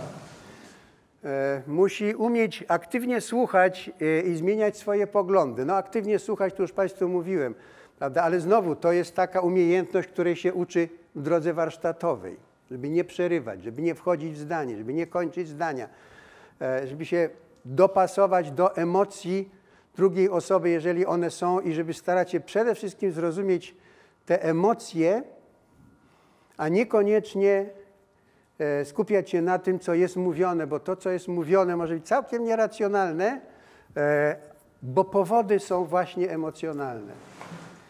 E, Musi umieć posługiwać się metodą wygrał-wygrał, tak żeby nikt nie był przegrany, bo nawet w głosowaniu demokratycznym e, ktoś czy osoby przegrane w zespole w zasadzie są zainteresowane tym, żeby się nie udało e, że została wybrana koncepcja, za którą oni nie głosowali. No, każdy chciałby jednak udowodnić, że miał rację. No, nie może już pokazać, że ta jego koncepcja była lepsza, bo została wybrana inna, ale jeszcze może pokazać, że ta, która została wybrana, nie jest dobra. Czyli jest za- zainteresowany tym, żeby się nie udało. No tutaj się stosuje kij w szprychy, piasek w tryby, różne są techniki, a w każdym razie no jak nawet nie będę przeszkadzał, to za bardzo nie będę pomagał. A w każdym razie będę szczęśliwy, jak się nie uda. No to nie chcę wchodzić, jak to się robi, ale to posługiwanie się metodą wygrał, wygrał jest bardzo ważne. No i tutaj Znowu, jeżeli tacy jesteśmy w pracy, no to często właśnie e, tacy jesteśmy i w życiu osobistym. I ci ludzie są znacznie szczęśliwsi od tych, bo oni mają poczucie, że są otoczeni partnerami. Czyli są otoczeni ludźmi w pracy i w domu, którzy wesprą ich, kiedy będą takiego wsparcia potrzebowali, którzy im wybaczą błąd, nie będą ich potępiać za to, że popełnili błąd, ale oczywiście wybaczenie błędu nie oznacza zamiatania pod dywan. Jeżeli mój partner popełni błąd, to ja przychodzę do niego i mówię: Słuchaj, zrobiłeś błąd, teraz ja cię wesprę w tym, żeby po pierwsze usunąć skutki tego błędu, jeżeli się da, no ale po drugie i ważniejsze, usunąć przyczyny, zanalizować, znaleźć na, na, na początku, prawda, przyczyny, dla których ten błąd popełniłeś i te przyczyny usunąć. To jest to partnerstwo. No i teraz, żeby powiedzieć coś bliżej o tym, jak do takich sytuacji doprowadzać, a także co robić, żeby się od takich sytuacji nie oddalać, parę takich obserwacji z obszaru psychologii społecznej. I zaczynamy od takiego założenia, które się wydaje dosyć oczywiste, że wszelkie działanie człowieka jest podejmowane dla zaspokojenia jego potrzeb. Cokolwiek my ludzie robimy, robimy dla zaspokojenia jakiejś naszej potrzeby. Jeżeli się co do tego zgodzimy, to wniosek z tego jest taki, że kluczem do zrozumienia, co zrobić, żeby nam się chciało chcieć, e, żeby ludzie przychodzili do pracy z radością i wykonywali tą pracę z radością, jest zrozumienie, jakie potrzeby w pracy mogą być zaspokojone, czy zaspokajane. No i profesor Marek Kosewski, którym współpracuję w tym obszarze, dzieli te potrzeby na dwie grupy. Przy czym to nie są wszystkie potrzeby człowieka. To są te, które mogą być zaspokajane w pracy. Potrzeby korzyści i potrzeby wartości. Potrzeby korzyści dzielimy na potrzeby rzeczowe i ambicje, potrzeby wartości na potrzeby społeczne, potrzeby radości z działania i potrzeby godności. Potrzeby rzeczowe zaspokajamy przez konsumpcję, w uproszczeniu mówiąc tego, co można kupić. Czyli wynagrodzenie służy zaspokojeniu potrzeb rzeczowych. A popatrzmy, czyli jednej z pięciu grup naszych potrzeb. A wiele firm ogranicza się do tego, żeby zaspokoić tylko te potrzeby. Ambicje zaspokajamy przez to, że mamy poczucie, żeśmy awansowali, rozwinęli się, że ktoś nas docenił, honory, tytuły, dyplomy. Potrzeby społeczne to potrzeby e, niezwykle silne, znacznie silniejsze od tych potrzeb korzyści. E, to jest naturalnie wbudowana w naszą biologię potrzeba poczucia, że jesteśmy częścią zespołu, w tym sensie, że ktoś nas potrzebuje, ktoś nam ufa, ale że my możemy również liczyć na tych, którzy, e, którym, którym my, my ufamy. To jest niezwykle silna potrzeba. E, ludzie pozbawiani możliwości zaspokojenia tej potrzeby wpadają w choroby psychiczne, e, a czas nie, ale też, a też i popełniają samobójstwa. Takie przykłady samobójstw to samobójstwa dzieci spowodowane mobbingiem klasowym. Prawda? Te dzieci były akceptowane w rodzinie, ale w klasie nie i słabsze jednostki popełniały samobójstwa. To niezwykle silna potrzeba. I to jest pierwsza z tej grupy, o których niestety często w firmach XX wieku się zapomina. Potrzeba radości z działania to jest potrzeba robienia tego, co lubię robić. No, różne sporty rekreacyjne temu służą, różne hobby, prawda? Jeżeli praca należy do tej grupy, czyli jeżeli wykonywanie mojej pracy samo w sobie daje mi poczucie radości, no to to jest fantastycznie. Tośmy wygrali los na loterii życia, a nasza firma wygrała pracownika. No i wreszcie potrzeby godności. Otóż te wszystkie cztery grupy potrzeb zaspokajamy przez tak czy inaczej rozumianą konsumpcję. Potrzebę godności zaspokajamy inaczej. One zaspokajamy przez poczucie, że postępujemy zgodnie z wzorcami postępowania, któreśmy sobie sami wybrali. To jest niezwykle istotne, sami wybrali. I te wzorce nazywa Kosewski wartościami. To są wzorce typu uczciwość, prawdomówność, lojalność, solidarność. Teraz Państwu pokażę listę tych wzorców, bo okazuje się, że my ludzie w zasadzie wybieramy sobie wszyscy jednakowe wzorce. Inaczej z nich korzystamy, o czym zaraz. Na tym gruncie analizy potrzeb można powiedzieć, że lider przemocowy, on interesuje się potrzebami korzyści i gra tymi potrzebami w ten sposób, że nam obiecuje je jako nagrodę za e, posłuszne zachowanie. E, lider partnerstwa te korzyści zaspokaja, ale nie wykorzystuje ich do e, żadnej gry, natomiast skupia się na tych zielonych, bo to jest znacznie trudniejsze, a też znacznie skuteczniejsze. Ta potrzeba godności to jest najsilniejsza potrzeba człowieka, znacznie silniejsza od potrzeb biologicznych. E, To jest jedyna potrzeba, mm, dla której, dla zaspokojenia której ludzie są gotowi umierać. Nie byłoby powstania warszawskiego ani Majdanu kijowskiego, gdyby nie potrzeba godności. Ci ludzie tam nie szli dla pieniędzy. Nawet w armii zaciężnej, w armii, gdzie zawodowej, tak jak dzisiaj przecież, prawda, gdzie to jest w zasadzie zawód mój, że jestem żołnierzem, biorę za to pieniądze. Ludzie umierają nie dlatego, że biorą pieniądze, tylko dlatego, że bronią honoru jakiegoś, munduru, sztandaru, kraju, niepodległości, jakiejś wyższej wartości. I oczywiście nie trzeba takich sytuacji heroicznych w pracy e, e, doprowadzać do takich sytuacji, e, żebyśmy mogli tą potrzebę godności w pracy zaspokajać.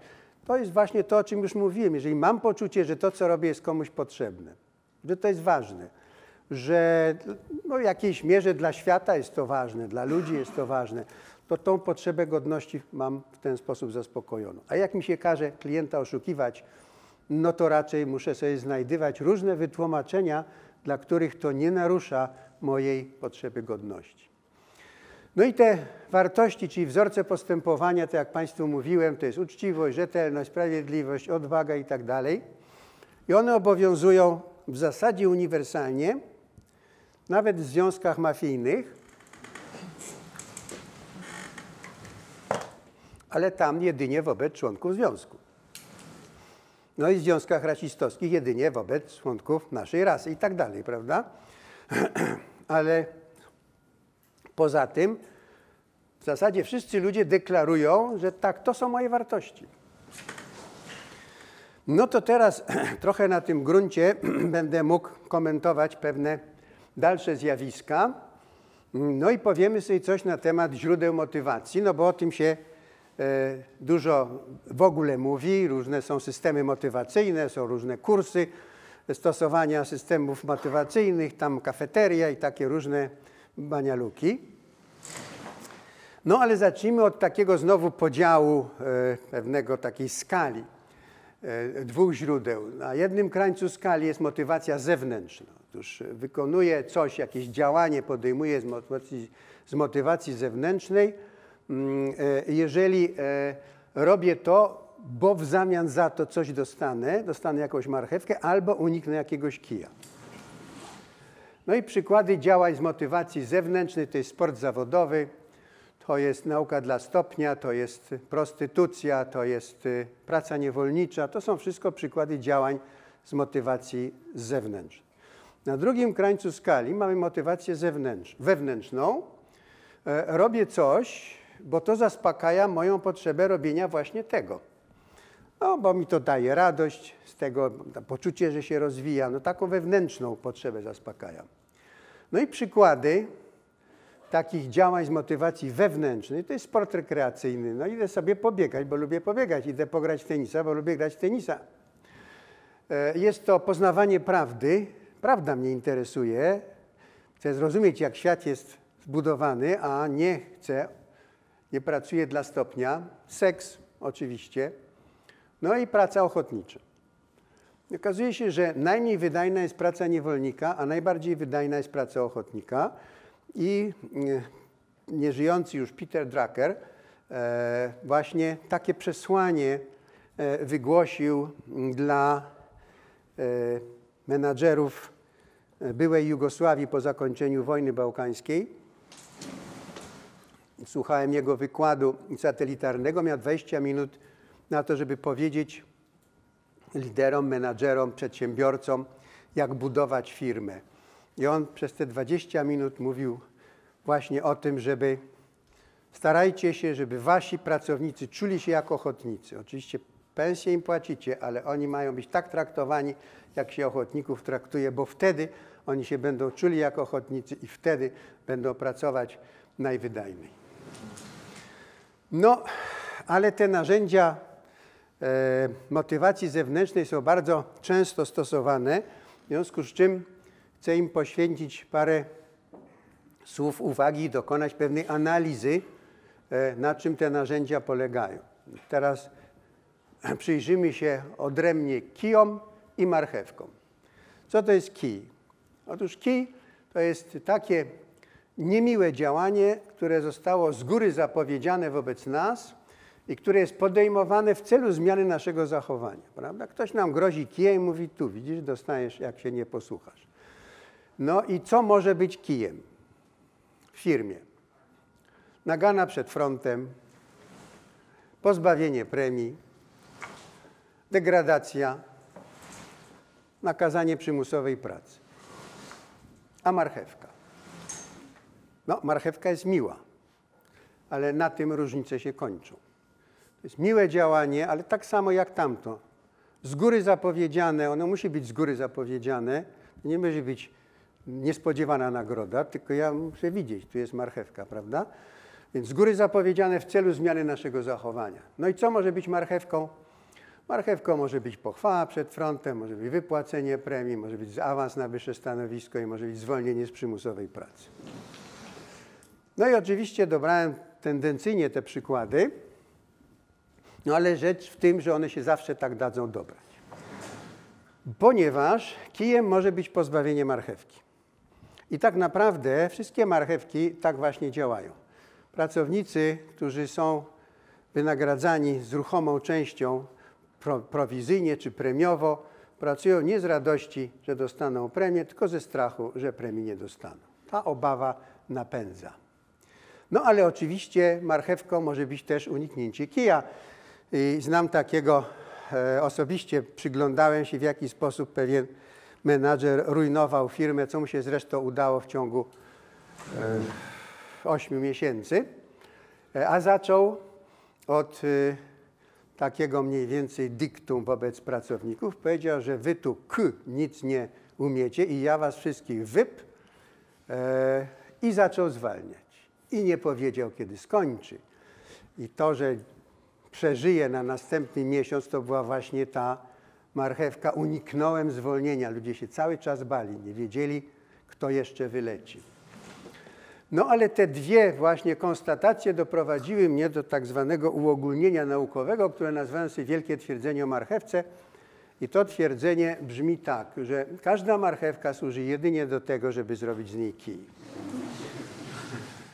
I że w związku z tym nie istnieje marchewka bez kija, ani kij bez marchewki.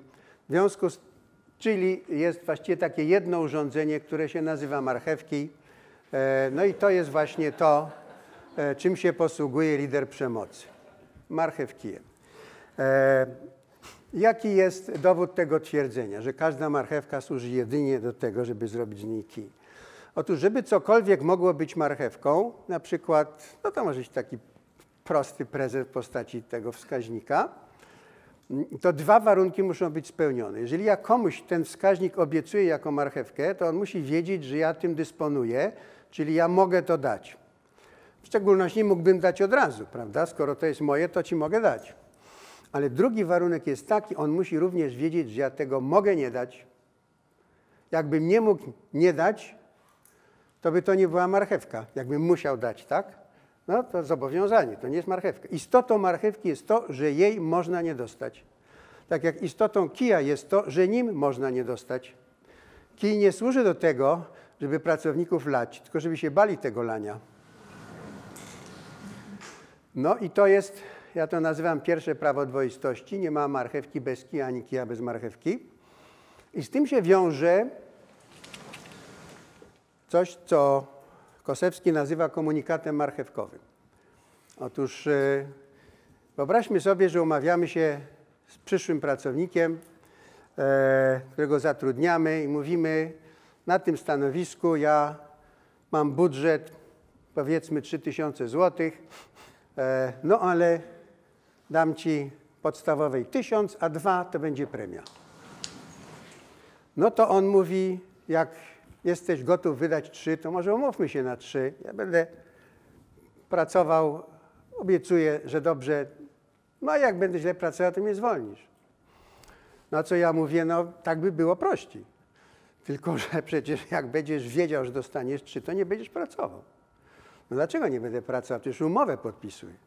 No nie bądź śmieszny, wszyscy umowę podpisujemy, prawda? Ale nie będziesz pracował, bo jesteś A leniwy, B nieuczciwy. Bo gdybyś był tylko leniwy, ale uczciwy, to ja bym wiedział, wierzył, że ty się zmusisz. No nie lubisz tej roboty, ale się zmusisz, bo jesteś uczciwy. Ale jesteś nieuczciwy. To jest jedyny racjonalny powód ustalania wynagrodzenia z ruchomą częścią. Nie mówię tutaj o tak zwanej premii zysku, która jest wypłacana, jeżeli firmę na to stać. Marchewka to jest coś, co ja już mam i mógłbym dać. Skoro mam, to mógłbym dać. Premia z zysku to jest inna sytuacja, ona jest też opisana w mojej książce. Tam ona się wiąże z paroma takimi pułapkami, ale nie o tym mówię. Więc tak naprawdę ten komunikat marchewkowy to jest taki wyraz wyższości i pogardy. No to trudno oczekiwać, że z kimś, kto uważa mnie za e, leniwego złodzieja, to ja będę jakieś partnerstwo budował i będę jakoś czuł się lojalny wobec niego, prawda? No i okazuje się, to właśnie z tym się wiąże, że te e, kije i marchewki nie są nieskuteczne. One przynoszą skutek. To bardzo szybko, tylko odwrotny do oczekiwanego. To zostało na gruncie psychologii społecznej i udowodnione, i uzasadnione, a ja to Państwu pokażę tak na palcach troszeczkę, jak to jest. Otóż y, to, co chcemy zmienić przy pomocy marchewkija, to czyjeś zachowanie. To zachowanie jest wynikiem pewnej postawy, ale my postawy nie widzimy. Wnioskujemy o jakiejś postawie na podstawie zachowania. Wyobraźmy sobie, że mama 13-letniego Jasia widzi, że synek siedzi nad lekcjami francuskiego i nie bardzo mu się chce te lekcje robić. No, zjawisko, które może Państwo się kiedyś zdarzyło widzieć. No i teraz mama wobec tego mówi, jak ładnie odrobisz te lekcje, to dostaniesz lody. No to Jaś wziął i odrobił, rzecz jasna. Mama zadziałała marchewkijem, i otrzymywała, otrzymała wynik zgodny z oczekiwaniami. I mówi do mnie, widzisz, jednak działa. No działa. Za tydzień ja siada do francuskiego i ogląda się na mamę, czy będą lody. Bo zwróćcie Państwo uwagę, umowa nie dotyczyła tylko jednorazowych lodów, ale mama proponując lody za francuski, wygadała się przed Jasiem, że robienie francuskiego to żadna frajda że się lody należą. Bo jak Jaś idzie do kina, to za to, że idzie do kina, lodów nie dostaje, prawda? Tylko za francuski. No to jest jakaś różnica. Czyli mama się wygadała, Jaś to od dawna wiedział, że to żadna frajda, ale mama wreszcie przyznała, no to wobec tego te lody się powinny należeć za każdym razem. No ale mama zachwycona mówi, tak, zawsze jak do, zrobisz ładnie, dostaniesz lody. I mama kombinuje tak, że Jaś lubi lody, lody mu się z francuskim będą kojarzyć, polubi francuski. Za miesiąc Jaś przychodzi do mamy i mówi, wiesz, dzisiaj mam francuski do odrobienia, ale rezygnuję z tych lodów. O, dziecko, kochany synku, czekałam na to, a nie wiedziałam, że tak szybko nastąpi. No widzisz, mamusiu, no nastąpiło. Czyli odrabiasz francuski i bez lodów. No tego nie powiedziałem. Powiedziałem, że rezygnuję z lodów, bo dzisiaj mi się nie opłaca francuski za lody. Mam ciekawsze propozycje, ale uczciwie umowę respektuję. No nie, byś nie szła po te lody, bo dzisiaj nie robię francuskiego. No więc mama mówi, to może e, lody i kino? No może. No a po jakimś czasie lody i kino się nie opłacają. No to mama mówi, to może deskorolka? E, no dobrze, deskorolka, fajna rzecz, ale ile tych francuskich za deskorolkę mam odrobić? No bo nie do końca życia, co nie? A mama mówi, że trzy miesiące, uuu, trzy miesiące wykluczone, tyle nie daje. A ile byś dał? Miesiąc. No, na sześć tygodni stargowała. No ale dyskorolka wypłacona, no i coś mama musi dalej wy, wy, wymyśleć i albo coś dalej będzie eskalować, albo powie koniec, basta, nie dostaniesz więcej. Na to Jaś mówi, no to mam wreszcie spokój z tym francuskim, prawda, to już nie będę go robił. Otóż co się okazuje, ilekroć marchewki działa na zachowanie, zgodnie z oczekiwaniami, jednocześnie działa na postawę przeciwnie do tych oczekiwań. Wypiera wszystkie możliwe motywatory, które by mogły prowadzić do tego zachowania i zastępuje je marchewką. I człowiek się przyzwyczaja do tego, że to zachowanie tylko za marchewkę. Nie ma marchewki, nie ma zachowania. Zresztą znacznie wcześniej pojawiają się inne toksyczne zachowania, o, o których za chwilę będę mówił, ale ta sytuacja też jest nie do uniknięcia. Co należy zrobić, żeby tej sytuacji uniknąć? Otóż należy starać się działać pozytywnymi emocjami bezpośrednio na postawę. Istotą marchewki jest, że jest to taki rodzaj nagrody, czyli zaspokojenia jakiejś z naszych potrzeb, prawda? Które nie jest w merytoryczny sposób związany z działaniem. No bo lody za francuski nie ma związku merytorycznego z francuskim. To mama wymyśliła sztucznie ten związek. A skoro mama wymyśliła ten związek sztucznie, to również można sztucznie osiągnąć nagrodę, omijając działanie. No na przykład, jak za każdą piątkę z francuskiego będę dostawał lody, no to mogę ściągnąć na klasówce, mogę coś tam pokombinować. Naturalnym skutkiem nauki francuskiego jest to, że umiem francuski. Jeżeli mama pokaże Jasiowi nagrodę związaną z naturalnym skutkiem, no to on może podjąć to działanie. No, taką nagrodą może być na przykład fakt, że na wakacje możesz pojechać na obóz Imki we Francji. Tam się przez miesiąc pracuje przy winobraniu, a przez drugi miesiąc jeździcie po Francji. Tam przyjeżdża grupa młodzieży w twoim wieku z całego świata. No tylko zasada jest taka, że tam się mówi tylko po francusku, więc no musisz na tyle znać, żebyś się mógł dogadać. No a im więcej będziesz znał, tym się lepiej dogadasz, prawda? I to, się, to jest też taka nagroda, tylko ona nie jest marchewką, ona jest merytorycznie związana z działaniem. I chodzi o to, żeby tego typu nagrody czy wynagrodzenia e, w firmie budować. E, I Deming o tym wszystkim wiedział, mimo że te e, zjawiska nie były opisane na gruncie psychologii społecznej. On w 70 latach napisał tak. Premia za wydajność jest najsilniejszym hamulcem jakości i wydajności w zachodnim świecie. Premia za wydajność, hamulcem wydajności. I on to uzasadniał w sposób taki zdroworozsądkowy, ale wydaje mi się dosyć przekonujący. Mówił tak. Po pierwsze, a on to właśnie zbadał, tylko w 15 przypadkach na 100 pracownik, który źle pracuje, może bez niczyjej pomocy z własnej woli zacząć pracować lepiej.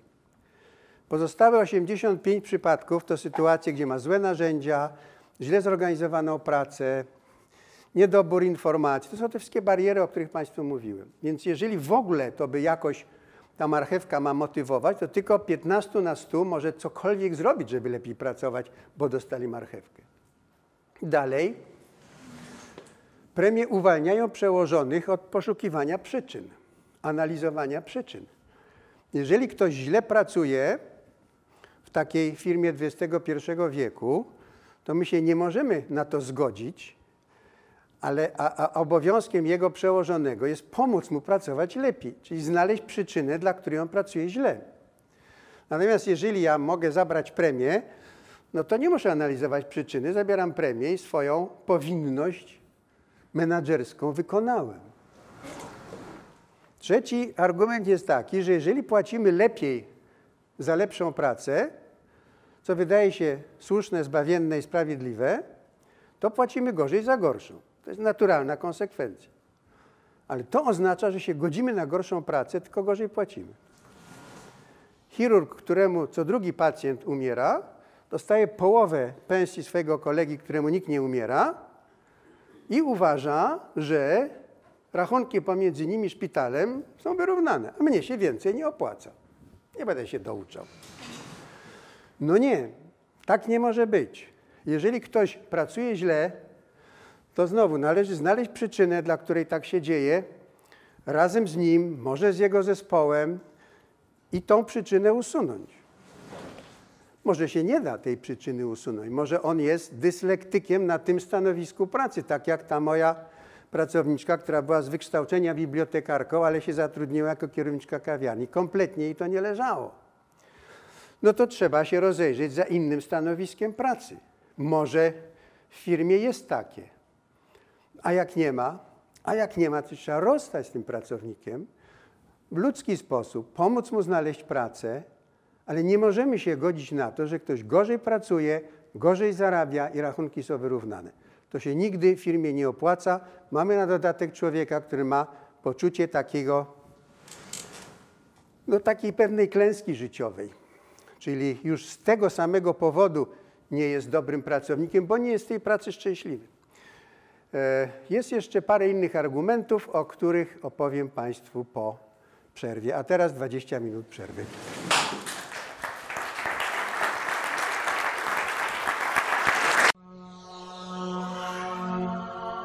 Asbiro. Alternatywna szkoła biznesu i rozwoju osobowego.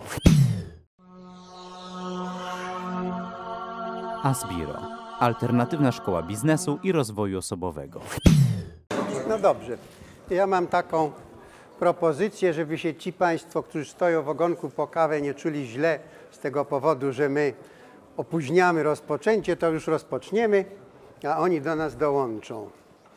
Otóż e, chcę Państwu pokazać teraz parę praktycznych przykładów ilustrujących takie zjawisko, e, którą, które się wiąże z premią, z systemem premiowym, każdym.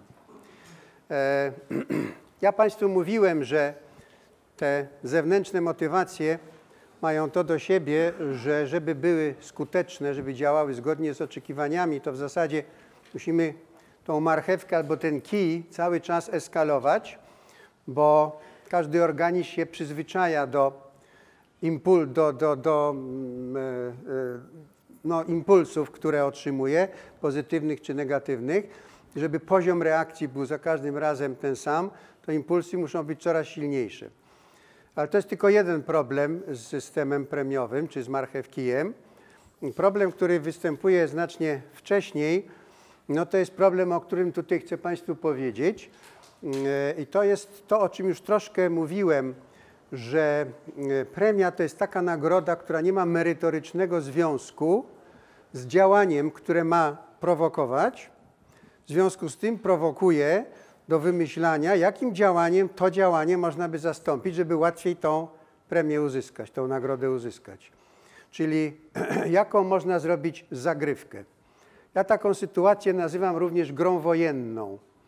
To jest gra, którą wymyśla firma w postaci systemu prowi- premiowego albo prowizyjnego.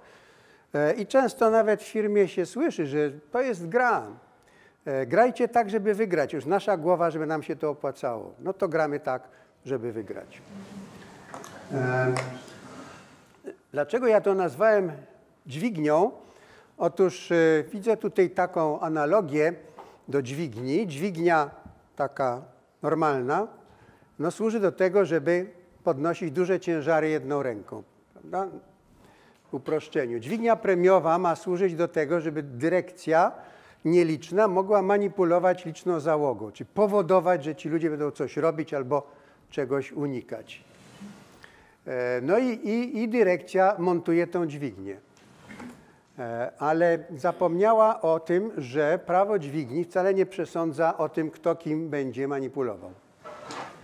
Raz zamontowana dźwignia może służyć zarówno tym, jak i tym. I moje doświadczenie wskazuje, że prędzej czy później, ale raczej prędzej niż później, to załoga manipuluje dyrekcją przy pomocy dźwigni, którą dyrekcja założyła po to, żeby manipulować załogą. ludzie postępują w sposób toksyczny, no można powiedzieć nieuczciwy wobec firmy, e, ale znajdują takie usprawiedliwienie. To nie ja wymyśliłem tą grę, tylko firma. To ja mam prawo grać tak, żeby wygrać. To jest tak zwane usprawiedliwienie społeczne, ja o tym piszę w książce, od tego nie będę rozwijał, ale powiem tylko tyle, że każdy z nas wielokrotnie staje w sytuacjach pokusy, gdzie musimy wybierać między korzyścią i wartością, czyli między korzyścią a zachowaniem zgodnym z naszym kodeksem postępowania. I jeżeli nam się zdarza, że postępujemy niezgodnie z tym kodeksem, to musimy sobie natychmiast znaleźć usprawiedliwienie.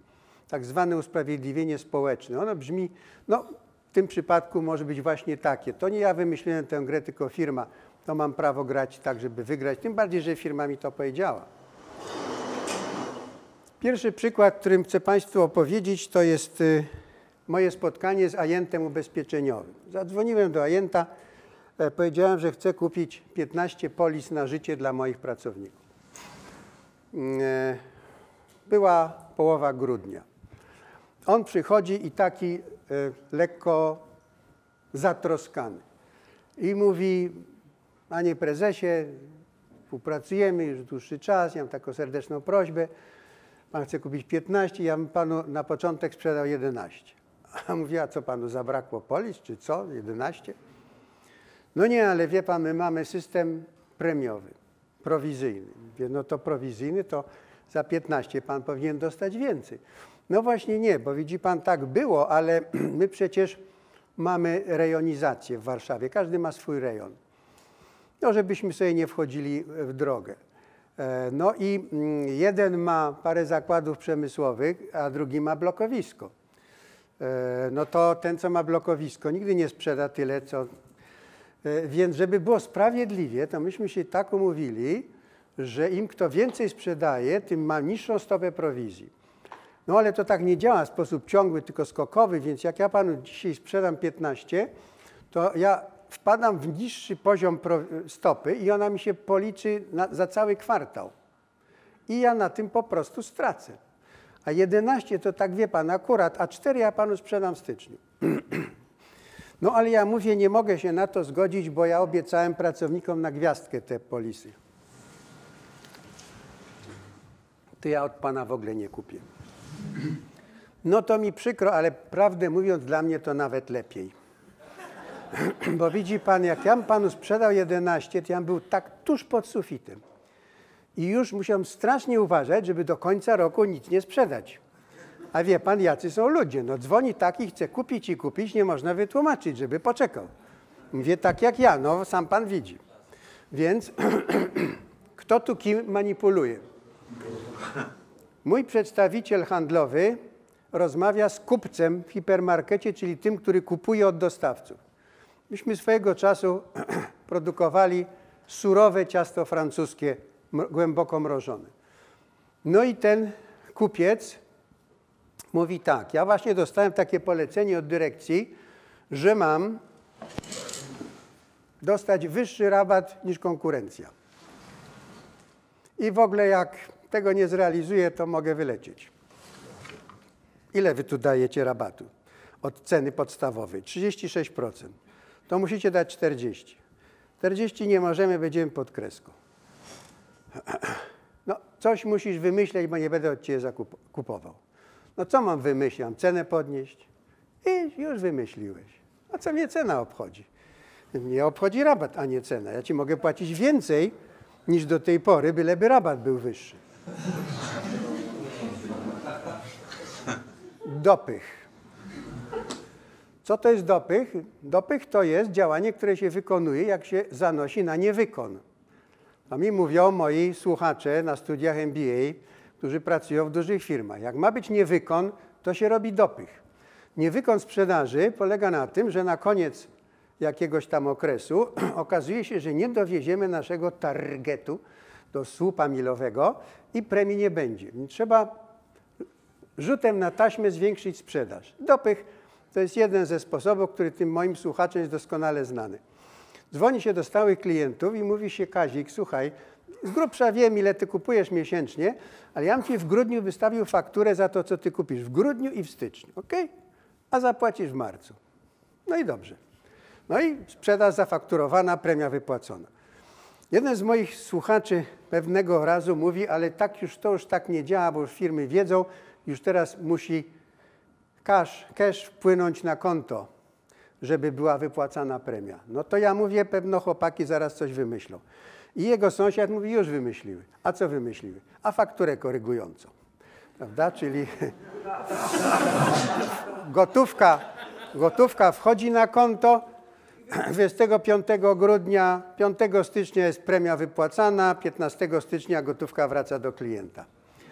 Etc., etc., prawda? I niedawno czytałem e, w którejś z naszych gazet, że już powstają firmy, które się specjalizują w korzystaniu z dopychu.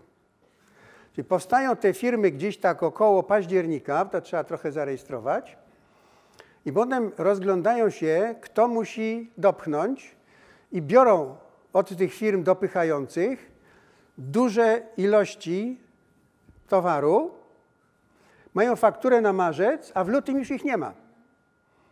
Nie ma tych firm już po prostu w lutym. A towar sobie wzięły i sprzedały. Więc y, no, to jest tak właśnie nieuczciwość rodzi, rodzi kolejną nieuczciwość. To jest ta dźwignia premiowa. No i teraz spójrzmy na te dwa modele przemocy i partnerstwa z takiego relacyjnego punktu widzenia. E, Model przemocy możemy sobie e, zobrazować jako taka relacja, która się nazywa dyscyplinowanie i która prowadzi od tych, których nazywam silni, rodzice, dowódcy, przełożeni, do tych, którzy są słabi, to są dzieci, żołnierze, pracownicy. E, No i ci silni wywierają nacisk, dyscyplinują, żeby ci słabi robili to, co należy. Ci słabi uczą się posłuszeństwa, ci się uczą wymuszania posłuszeństwa, ci słabi działają z motywacji zewnętrznej, ci stosują kij i marchewkę. Słabi i silni są z reguły przeciwnikami dla siebie. Z tym modelem wiąże się bardzo poważne niebezpieczeństwo, wiązane z tym, że ta relacja nie jest symetryczna, że strzałka jest w jedną stronę. Otóż ona ma tendencję do tego, żeby się obracać. I dzieci, które są nauczone w rodzinie, że kto ma siłę, ten ma władzę, bo słyszą się cicho gówniarzy, jak starsi rozmawiają. A dlaczego? A dlatego, bo ja ci tak mówię. Jak dochodzą do wieku lat dzisiejszym, nie najlepszym świecie 14, to już się stają silniejsze od rodziców. Bo ja sobie będę dawał w żyłę, jak mi nie kupisz motorynki. I co mi zrobisz? Nauczyliśmy dzieci, że kto ma siłę, ten ma władzę. Nie nauczyliśmy partnerstwa, które przyjęłyby z radością w wieku dziecięcym. Wtedy byśmy nauczyli odpowiedzialności, każdy za każdego bierze odpowiedzialność. Nauczyliśmy, że kto ma siłę, ten ma władzę. No to one mają teraz siłę. Strajki na tym polegają, bunty różnego rodzaju. Otóż właśnie alternatywą jest model partnerstwa. Tam te dwie grupy ja inaczej nazywam. Nazywam je nie słabi i silni, tylko młodsi i starsi. Młodszych charakteryzuje nie brak siły, tylko ciekawość wiedzy, a starsi mają tą wiedzę i doświadczenie, którą wykorzystują do tego, żeby tych młodszych wspierać. Ale relacja jest symetryczna. Wspólne tworzenie środowiska współpracy. Jedni od drugich się uczą. Rodzice się mogą masę rzeczy nauczyć od dzieci, w szczególności to, tego, czego rodzice kompletnie nie wiedzą i nie rozumieją, mianowicie dlaczego dzieci tak, a nie inaczej reagują na zjawiska, na które oni, rodzice, jak byli dziećmi, reagowali inaczej. No bo świat dziecka inaczej wygląda i trzeba się umieć od tego dziecka tego nauczyć, dowiedzieć. No ale żeby dziecko chciało o tym opowiedzieć, no to musi się czuć bezpiecznie, prawda? I pytania, jak tam było w szkole, no zwykle kończy się odpowiedzią, dobrze. I koniec, prawda? Więc te wspólne tworzenie środowiska współpracy to jest relacja partnerska. I zwróćcie Państwo uwagę, fakt, no taki trochę symboliczny, że strzałka jest w obie, w obie strony, bo obie strony się od siebie uczą, oznacza, że jak się tą relację obróci, to to jest nadal ta sama relacja. Tam nie ma tego niebezpieczeństwa, że ci słabi się raptem robią silni, no bo partnerzy są partnerami. No ale bardzo tutaj ważna sprawa, żeby nie wpaść w pewną pułapkę. Otóż y, partnerstwo jest oczywiście oparte na zaufaniu. Partnerstwo nie oznacza, że można nie wykonać polecenia służbowego albo że żołnierz może nie wykonać rozkazu. Partnerstwo w armii amerykańskiej oznacza, że żołnierz ma zawsze prawo porozmawiać o rozkazie ze swoim dowódcą, a nie wtedy, jak go ma wykonać, tylko potem. To jest to partnerstwo. I bardzo Państwu polecam książkę Michaela Abraszowa pod zakładką, y, co przeczytałem, ona jest recenzowana. W języku angielskim ta książka się nazywa It's Your Ship, to Twój okręt, a po polsku Ty tu dowodzisz. Jest to relacja e, komandora amerykańskiej marynarki wojennej, który z najgorszej jednostki, nosiciela rakiet 1500 osób załogi, która zresztą brała udział e, w wojnie e, no tej pierwszej w Iraku, pustynna burza, uczynił najlepszą jednostkę i tak doskonałą, że tam przysyłano kapitanów innych jednostek, żeby odbywali u niego staż. On tam wprowadził partnerskie stosunki, co w żadnej mierze nie oznaczało, że można rozkazu nie wykonać. No jednostka bojowa, na jednostce handlowej, no też nie do pomyślenia, prawda? Ale on zachęcał marynarzy, żeby rozmawiali z nim, przeniósł się ze swoimi posiłkami do messy marynarskiej z oficerskiej, bo każdy marynarz, jak on będzie stał przed nim, no to będzie stał na baczność. No taka przecież 1500 osób załogi, no to przepaść pomiędzy kapitanem, prawda, a tak zwanym prostym majtkiem. Ale przy stoł, w stołówce, jak siedzą naprzeciw siebie, jedzą tego samego kotleta, to rozmowa jest inna. On tych ludzi ośmielał do rozmowy, zachęcał do rozmowy, zapraszał do siebie. Ci ludzie zaczęli przychodzić z różnymi właśnie pomysłami, jak usunąć bariery, które im w tej pracy przeszkadzają i w ten sposób zrobił tą najlepszą jednostkę. Pamiętajmy też, że zaufanie nie oznacza, że nie robimy remanentu w magazynie, że nie liczymy kasy. Tutaj znowu odwołując się do morskiej alegorii, no jeżeli kiedyś na statku żeglowym, kiedy nie było GPS-ów, no mniej więcej dwa razy na dobę wyznaczało się pozycję przy pomocy sekstansu i kompasu, prawda? To nie z braku zaufania do sternika, tylko po to, żeby wiedzieć, gdzie statek jest. Bo żaden żaglowiec, ani motorowy, nie popłynie w linii prostej. Zawsze są jakieś dryfy. Więc, żeby wiedzieć, gdzie jest. I tak samo jak robimy remanent w magazynie, bo musimy wiedzieć, ile w tym magazynie jest co pewien czas. Są sytuacje w mojej firmie, tak właśnie było, no, gdzie jest magazyn, gdzie jest i mąka, i cukier, no i takie płynne, e, nieporcjowane e, towary, no to tam jak się robi raz na pół roku magazyn, to tam się nie może w 100% zgadzać. No nie może się zgadzać, prawda, mąka co do, nie wiem, co do kilograma, jeżeli tam się tony przerabia. Jak się zgadza co do kilograma, to znaczy, że ktoś haftuje, no, bo to się nie ma prawo zdarzyć, statystycznie rzecz biorąc. Więc pamiętajmy, prawda, że to zaufanie nie oznacza, że nie robimy monitoringu, tylko robimy go nie po to, żeby złapać złodzieja, tylko po to, żeby wiedzieć, jaki jest stan firmy. No i że partnerstwo to nie kumplostwo, że kumplostwo oznacza, że właśnie ja przymknę oko na to, jak kumpel coś zwinie,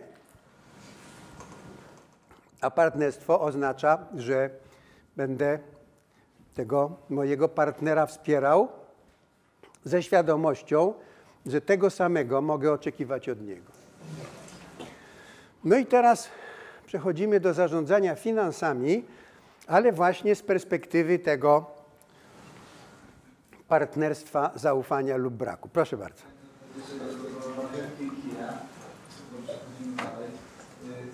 Jak, jak rozwiązać taki problem z firmami budowlanymi? Zatrudniam firmę budowlaną, wykonuje mi źle albo zbyt wolno i jak ja mogę ich y, zmotywować do, do wykonania dobrej usługi czy, czy w terminie, jeśli ja nie zarządzam y, tymi ludźmi?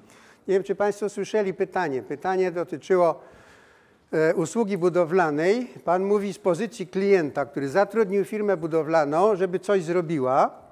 E, no i teraz co, jak tą firmę zmotywować, żeby to zrobiła dobrze? E, no ja bym najkrócej powiedział, ma Pan raczej małe szanse.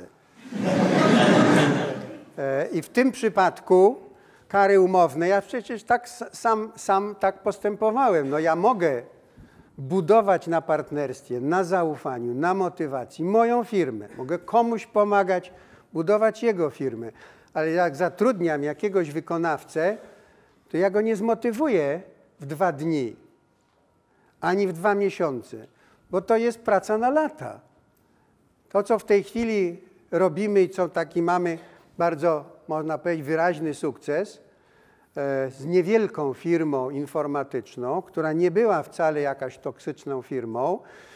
I po dwóch latach rzeczywiście w tej chwili no, ten właściciel mówi, ja już w ogóle nie wydaję żadnych poleceń, zlikwidowaliśmy opóźnienia, e, firma się zupełnie inaczej rozwija, ludzie ze sobą współpracują, no ale to dwa lata trwało.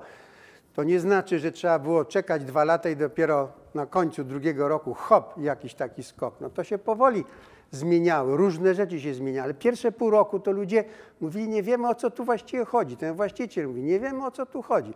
Jeszcze tego nie czuję. Zaczynamy trochę ze sobą lepiej rozmawiać, ale to jeszcze nie wychodzi. I potem to zaczęło wychodzić. Więc na krótką metę przekupstwo, korupcja oczywiście jest skuteczniejsza od budowania partnerstwa. Budowanie partnerstwa w ogóle ma sens tylko wtedy, jeżeli z tym partnerem my będziemy dłużej współpracować. No.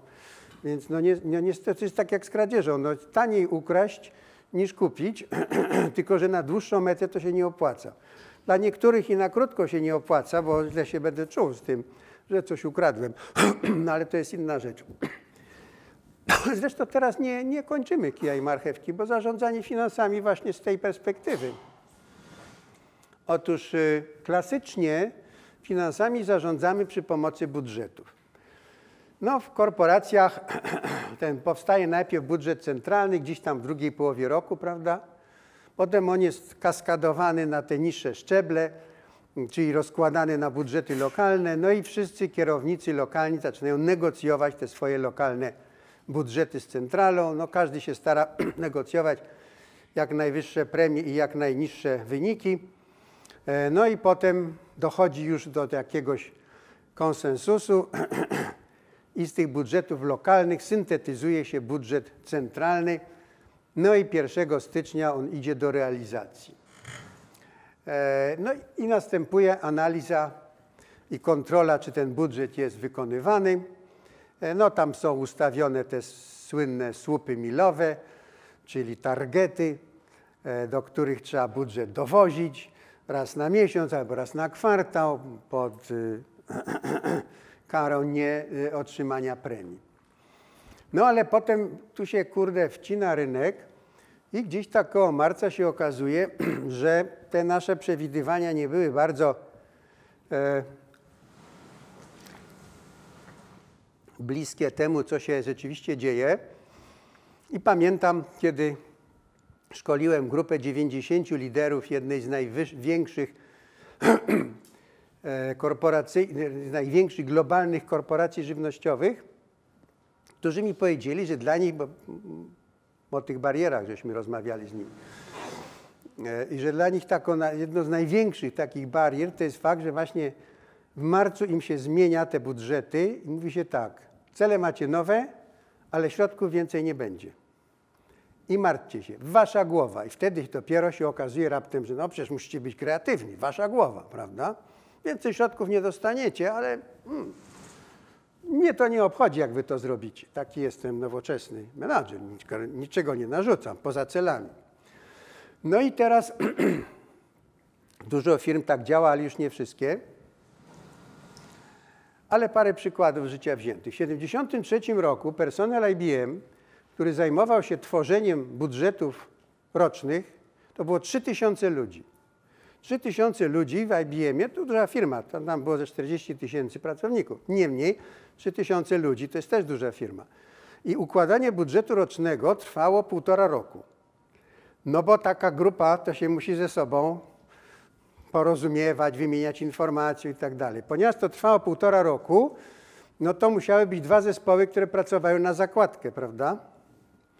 To parę złotych musiało kosztować. Nie wiem ile, ale wiem ile kosztowało u Forda.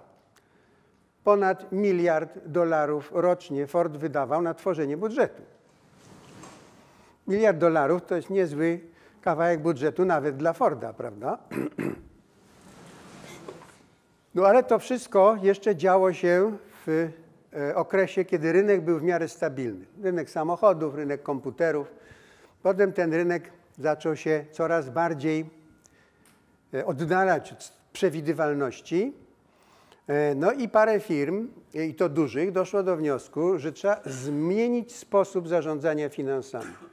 Odejść od tak rozumianych budżetów. I oni założyli organizację, która się nazywa Okrągły Stół Zarządzania bez Budżetu.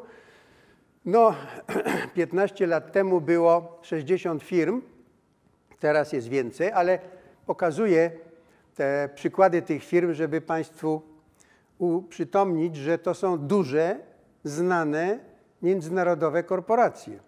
Że to nie są jakieś firmy wymyślone przez grono profesorów, tylko to jest British Telecom, Deutsche Bank, Europejski Bank Rozwoju, Texas Instruments. Tam jest między innymi Svenska Handelsbanken, który pierwszy odszedł od budżetów. Otóż w związku z tym, że są firmy, które zarządzają inaczej finansami, możemy mówić o takich dwóch paradygmatach. Oba rozpoczynają się od tego samego, czyli od prognozy finansowej. Prognozę finansową każda firma musi mieć. No, to jest zapis tego, co sobie, czego oczekujemy, co sobie wyobrażamy, co prognozujemy, prawda? To jest potrzebne. I teraz te dwa sposoby zarządzania rozdzielają się pomiędzy firmy, które są zbudowane na zaufaniu i firmy zbudowane na braku zaufania. Jeżeli firma jest zbudowana na zaufaniu, to prognoza pozostaje prognozą. Ona służy do podejmowania najlepszych możliwych e, decyzji finansowych. Ona służy do nawigacji finansowej, a decyzje są podejmowane oczywiście w zależności od tego, jak reaguje rynek. No i na koniec roku stan końcowy jest oczywiście niezgodny z prognozą, żadna prognoza się nie sprawdza w 100%, ale jest optymalny w tym sensie, że za każdym razem staraliśmy się nadążać za rynkiem. Ja to nazywam zarządzaniem nawigacyjnym, czy budżetem nawigacyjnym. Dlaczego nawigacyjnym, to za chwilę pokażę. No i ten drugi paradygmat jest oparty na braku zaufania. Jeżeli ja nie mam zaufania do moich dyrektorów, a dyrektorzy do swoich kierowników, a kierownicy do swoich majstrów, no to muszę ich kontrolować, sprawdzać. I najlepiej, jakbym mógł nad każdym stać, ale tego nie mogę. Więc muszę ich kontrolować wskaźnikowo.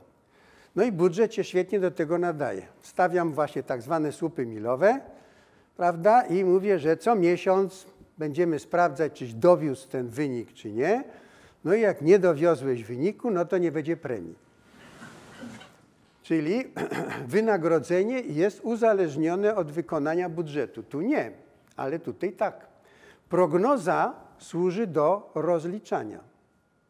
Co więcej, prognoza staje się kontraktem.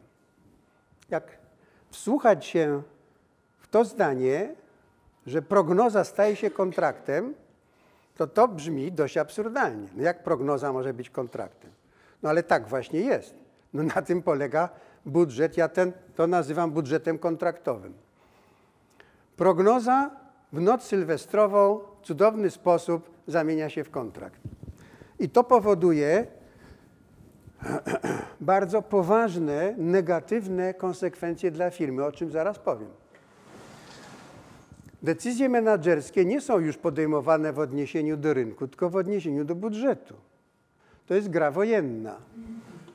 No i na koniec roku mamy stan końcowy zgodny z, z budżetem, ale nieoptymalny. I to nazywam budżetem kontraktowym. A w stołówce na ścianie wisi napis: Najważniejszym naszym zasobem są ludzie. Widziałem taki napis, a pod nim nasze wartości. Kiedyś w takiej sali recepcyjnej dużej korporacji napis był wytrawiony na kryształowym szkle, płyta grubości pół- 15 mm, osadzona na tle marmurowym. No pięknie. Sobie, No jak wartości zostały na ścianie powieszone, to już znaczy, że nikt w nie wierzy. To po prostu jest koniec. No i dlaczego ja to nazywam budżetem nawigacyjnym? No bo sobie taką wymyśliłem alegorię. E, Wyobraźmy sobie, że kapitan żeglowca ma przeprowadzić mm, ten swój e, żaglowiec z jednej wyspy na drugą, ma na to trzy dni. E, Kurs wyznacza sobie w postaci takiej prostej, bo tam nie ma żadnych przeszkód po drodze, ale jego armator mówi, ja ci draniu nie, nie wierzę, e, że ty mi doprowadzisz ten e, statek tutaj, pewno będziesz próbował myknąć razem z całym ładunkiem, e, no to jak tu nie przyjdziesz na trzeci dzień, tu będziesz za daleko, żebym cię mógł znaleźć, to ja ci tu stawiam po drodze bojkę, tu masz być na drugi dzień i jak mi tu nie będziesz na drugi dzień, to ja cię jeszcze chwycę. No i kapitan wypływa z portu, ale ponieważ wieją wiatry zachodnie, więc po jakimś czasie jest no nie na tym swoim kursie, ale oczywiście mm, zmierzył położenie, no i koryguje kurs, płynie do bojki. E, Bo ma kontrakt, a gdyby się cieszył zaufaniem, no to by popłynął krótszą drogą, prawda? E, e, No i to jest właśnie ten, ta alegoria budżetu nawigacyjnego i budżetu kontraktowego. No i teraz budżet kontraktowy to jest gra. Gra wojenna, którą firma przegrywa. Zawsze przegrywa. E, Ta gra się rozgrywa w dwóch etapach. Pierwszy to jest etap negocjowania swojego budżetu. To może być budżet centralny, który centrala firmy negocjuje z udziałowcami albo z radą nadzorczą. To może być budżet lokalny, który jakiś lokalny szef negocjuje z centralą, ale zasady są zawsze te same. Pierwsza zasada jest oczywista. Zawsze negocjuj najniższe cele i najwyższe premie. No to jasne. No i tak się negocjuje. Czyli automatycznie budżet kontraktowy uniemożliwia w zasadzie firmie osiągnięcie tego, co by chciała, żeby ludzie stawiali ambitne cele. No nie będę stawiał ambitnego celu, jeżeli potem mam być z niego rozliczany. Mogę coś na tym stracić. No to moim interesie jest, żeby cel był jak najmniej ambitny. Zawsze żądaj więcej zasobów niż potrzebujesz, bo wiesz, że jak ci zabraknie, to ci nie dodadzą. I jeszcze ci powiedzą, że źle planowałeś. Więc jeżeli oceniasz, że potrzebujesz 80, to na wszelki wypadek musi mieć 100. A żeby mieć 100, to ile musisz zaplanować? 150. Bo 30% ci obetną. A dlaczego ci obetną? Bo oni wiedzą, że ty wiesz, że oni ci obetną i że od razu planujesz więcej, prawda? I tak się te korporacje bawią. Powiem Państwu, że właśnie na studiach MBA, na których wykładam i tam siedzą dyrektorzy finansowi i prezesi dużych firm, wszyscy kiwają głowami. Mówią, no tak, tak, tak to u nas jest. Nie, udos- nie udostępniaj przełożonym swoich przewidywań. Prawda? Jeżeli oczekujesz, że mógłbyś więcej sprzedać, to nie mów, no bo ci podniosą plan. No i nigdy nie decyduj się na ryzyko, na cholerę ryzyko. Jack Welch, żeby nie było, że to jajogłowi wymyśleli tą całą ideę, powiedział, tworzenie budżetu kontraktowego to ćwiczenie w minimalizowaniu. Zawsze próbujesz otrzymać od ludzi jak najmniej, bo każdy negocjuje najniższe liczby i najwyższe premie. A to jest dopiero pierwsza część tej gry, nieunikniona, ale pierwsza. Druga część gry toczy się po 1 stycznia, kiedy już budżet jest realizowany. No i znowu to wymusza nie- nieetyczne zachowania, a ludzie mówią, mam prawo grać tak, żeby wygrać. Firma mi to zleciła.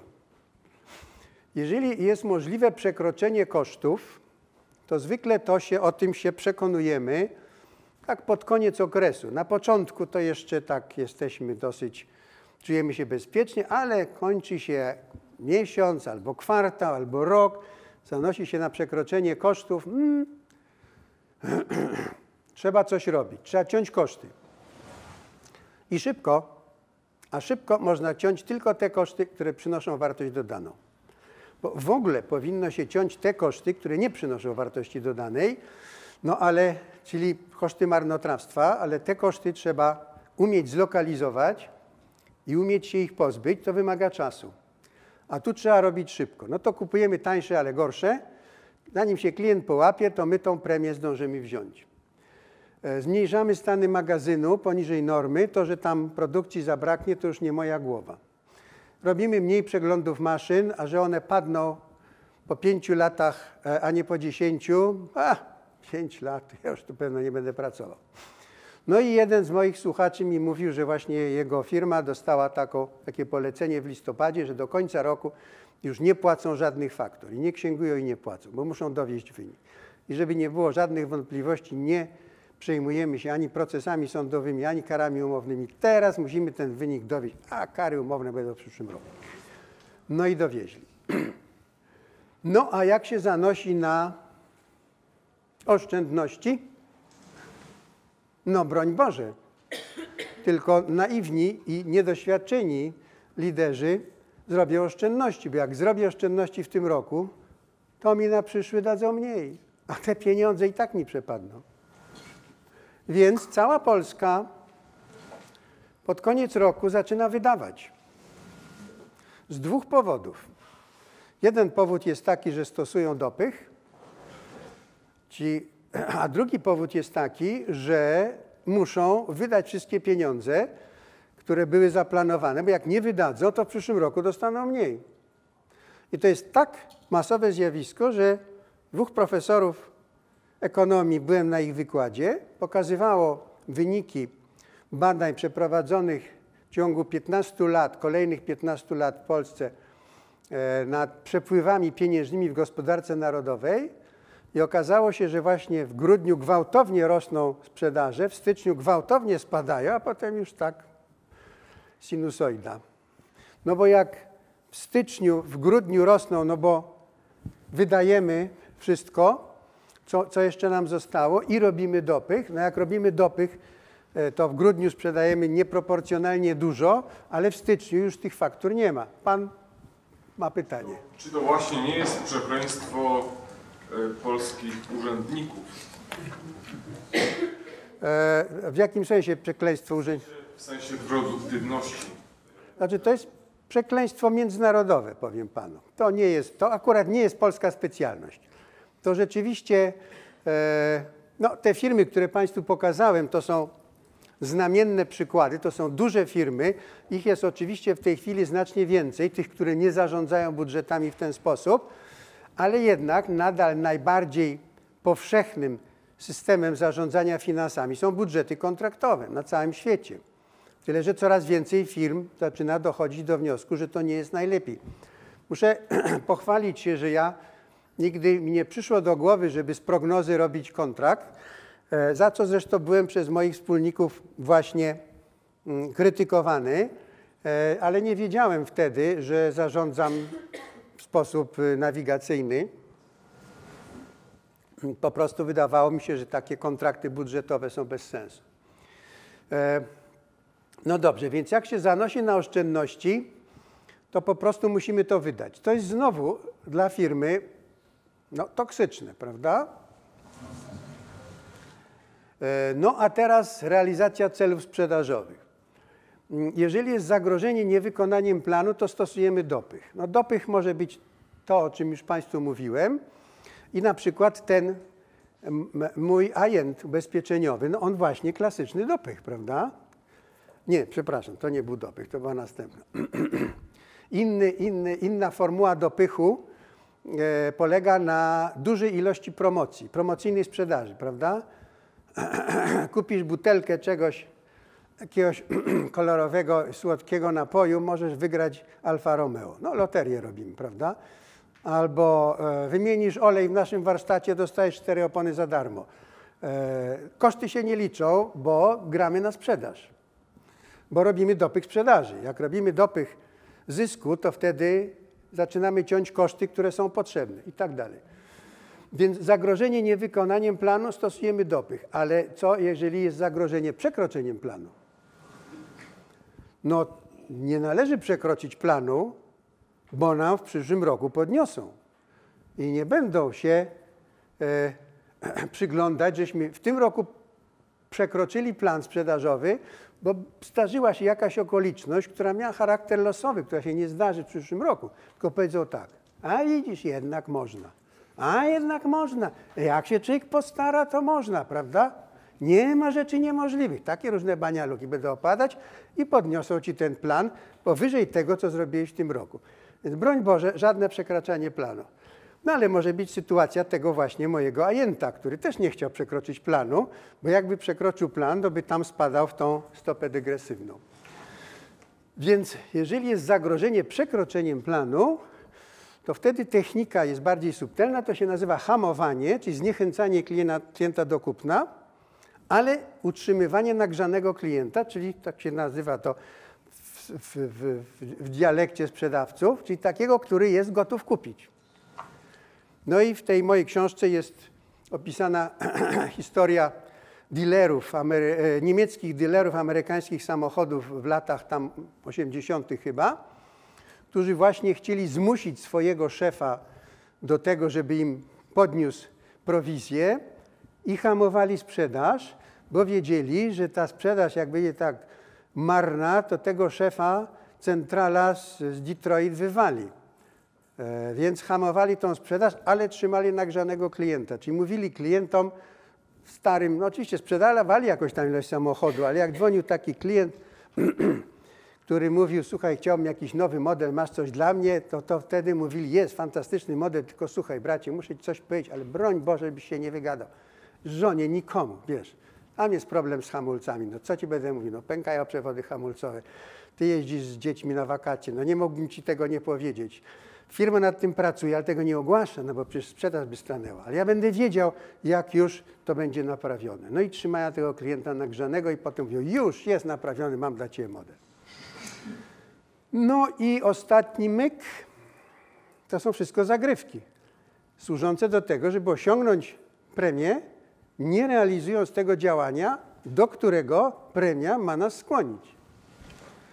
Otóż y, w 70., może nawet wcześniej, latach w Stanach Zjednoczonych y, wymyślono, żeby premię dla zarządów dużych korporacji uzależnić nie od sprzedaży y, albo od zysku, tylko od wzrostu wartości firmy.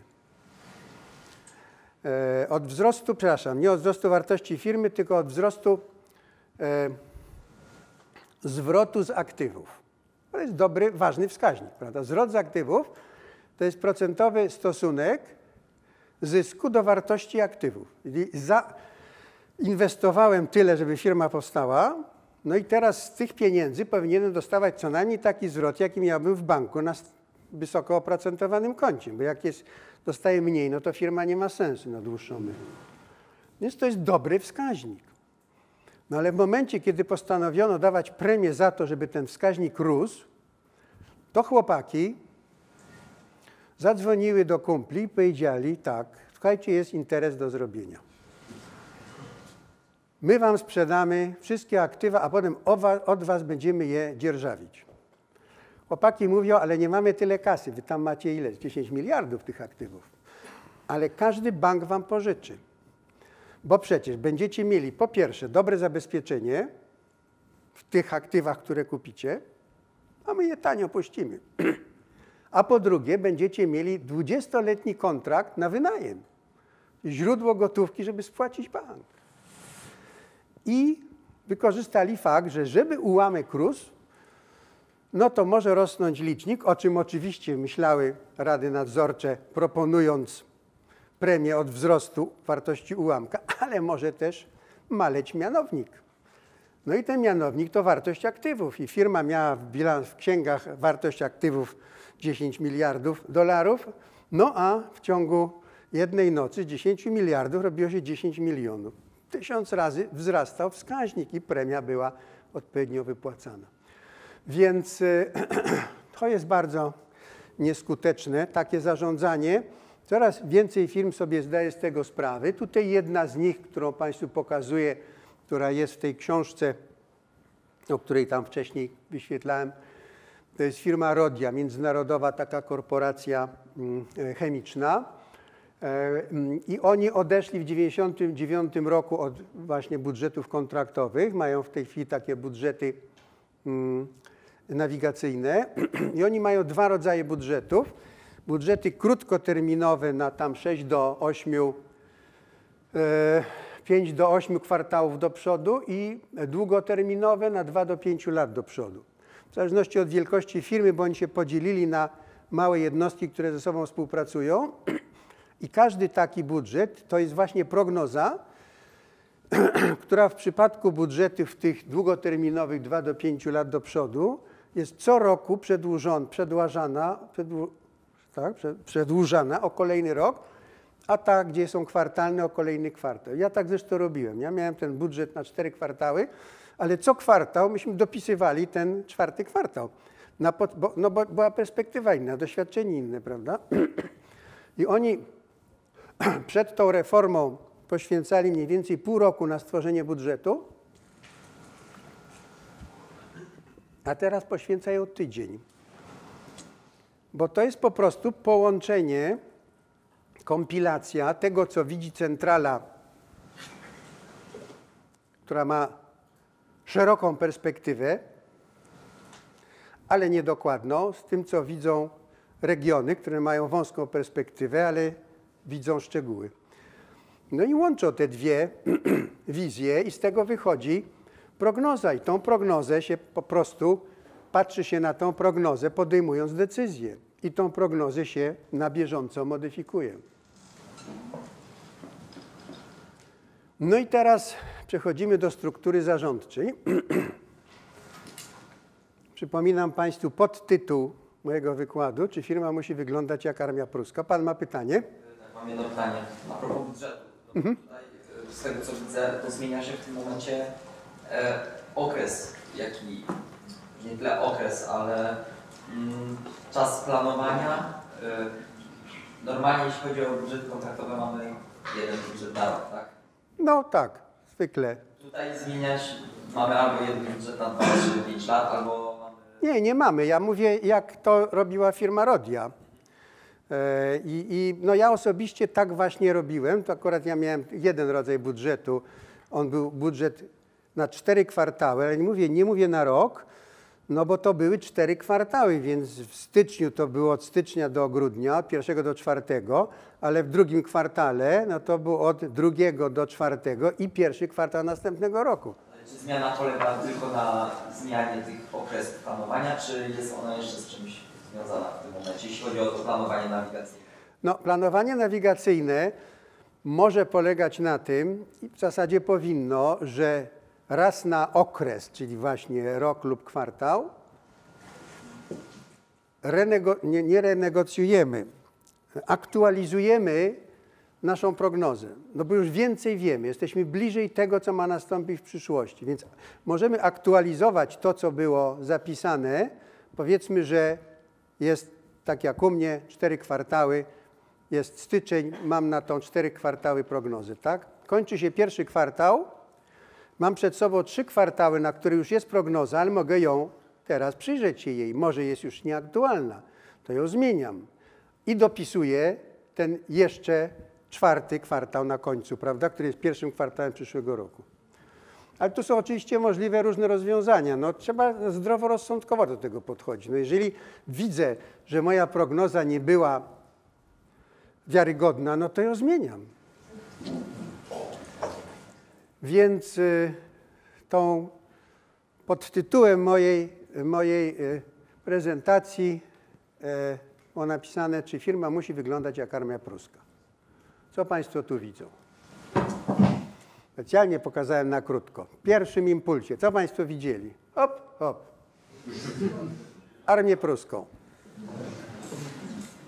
Otóż nie.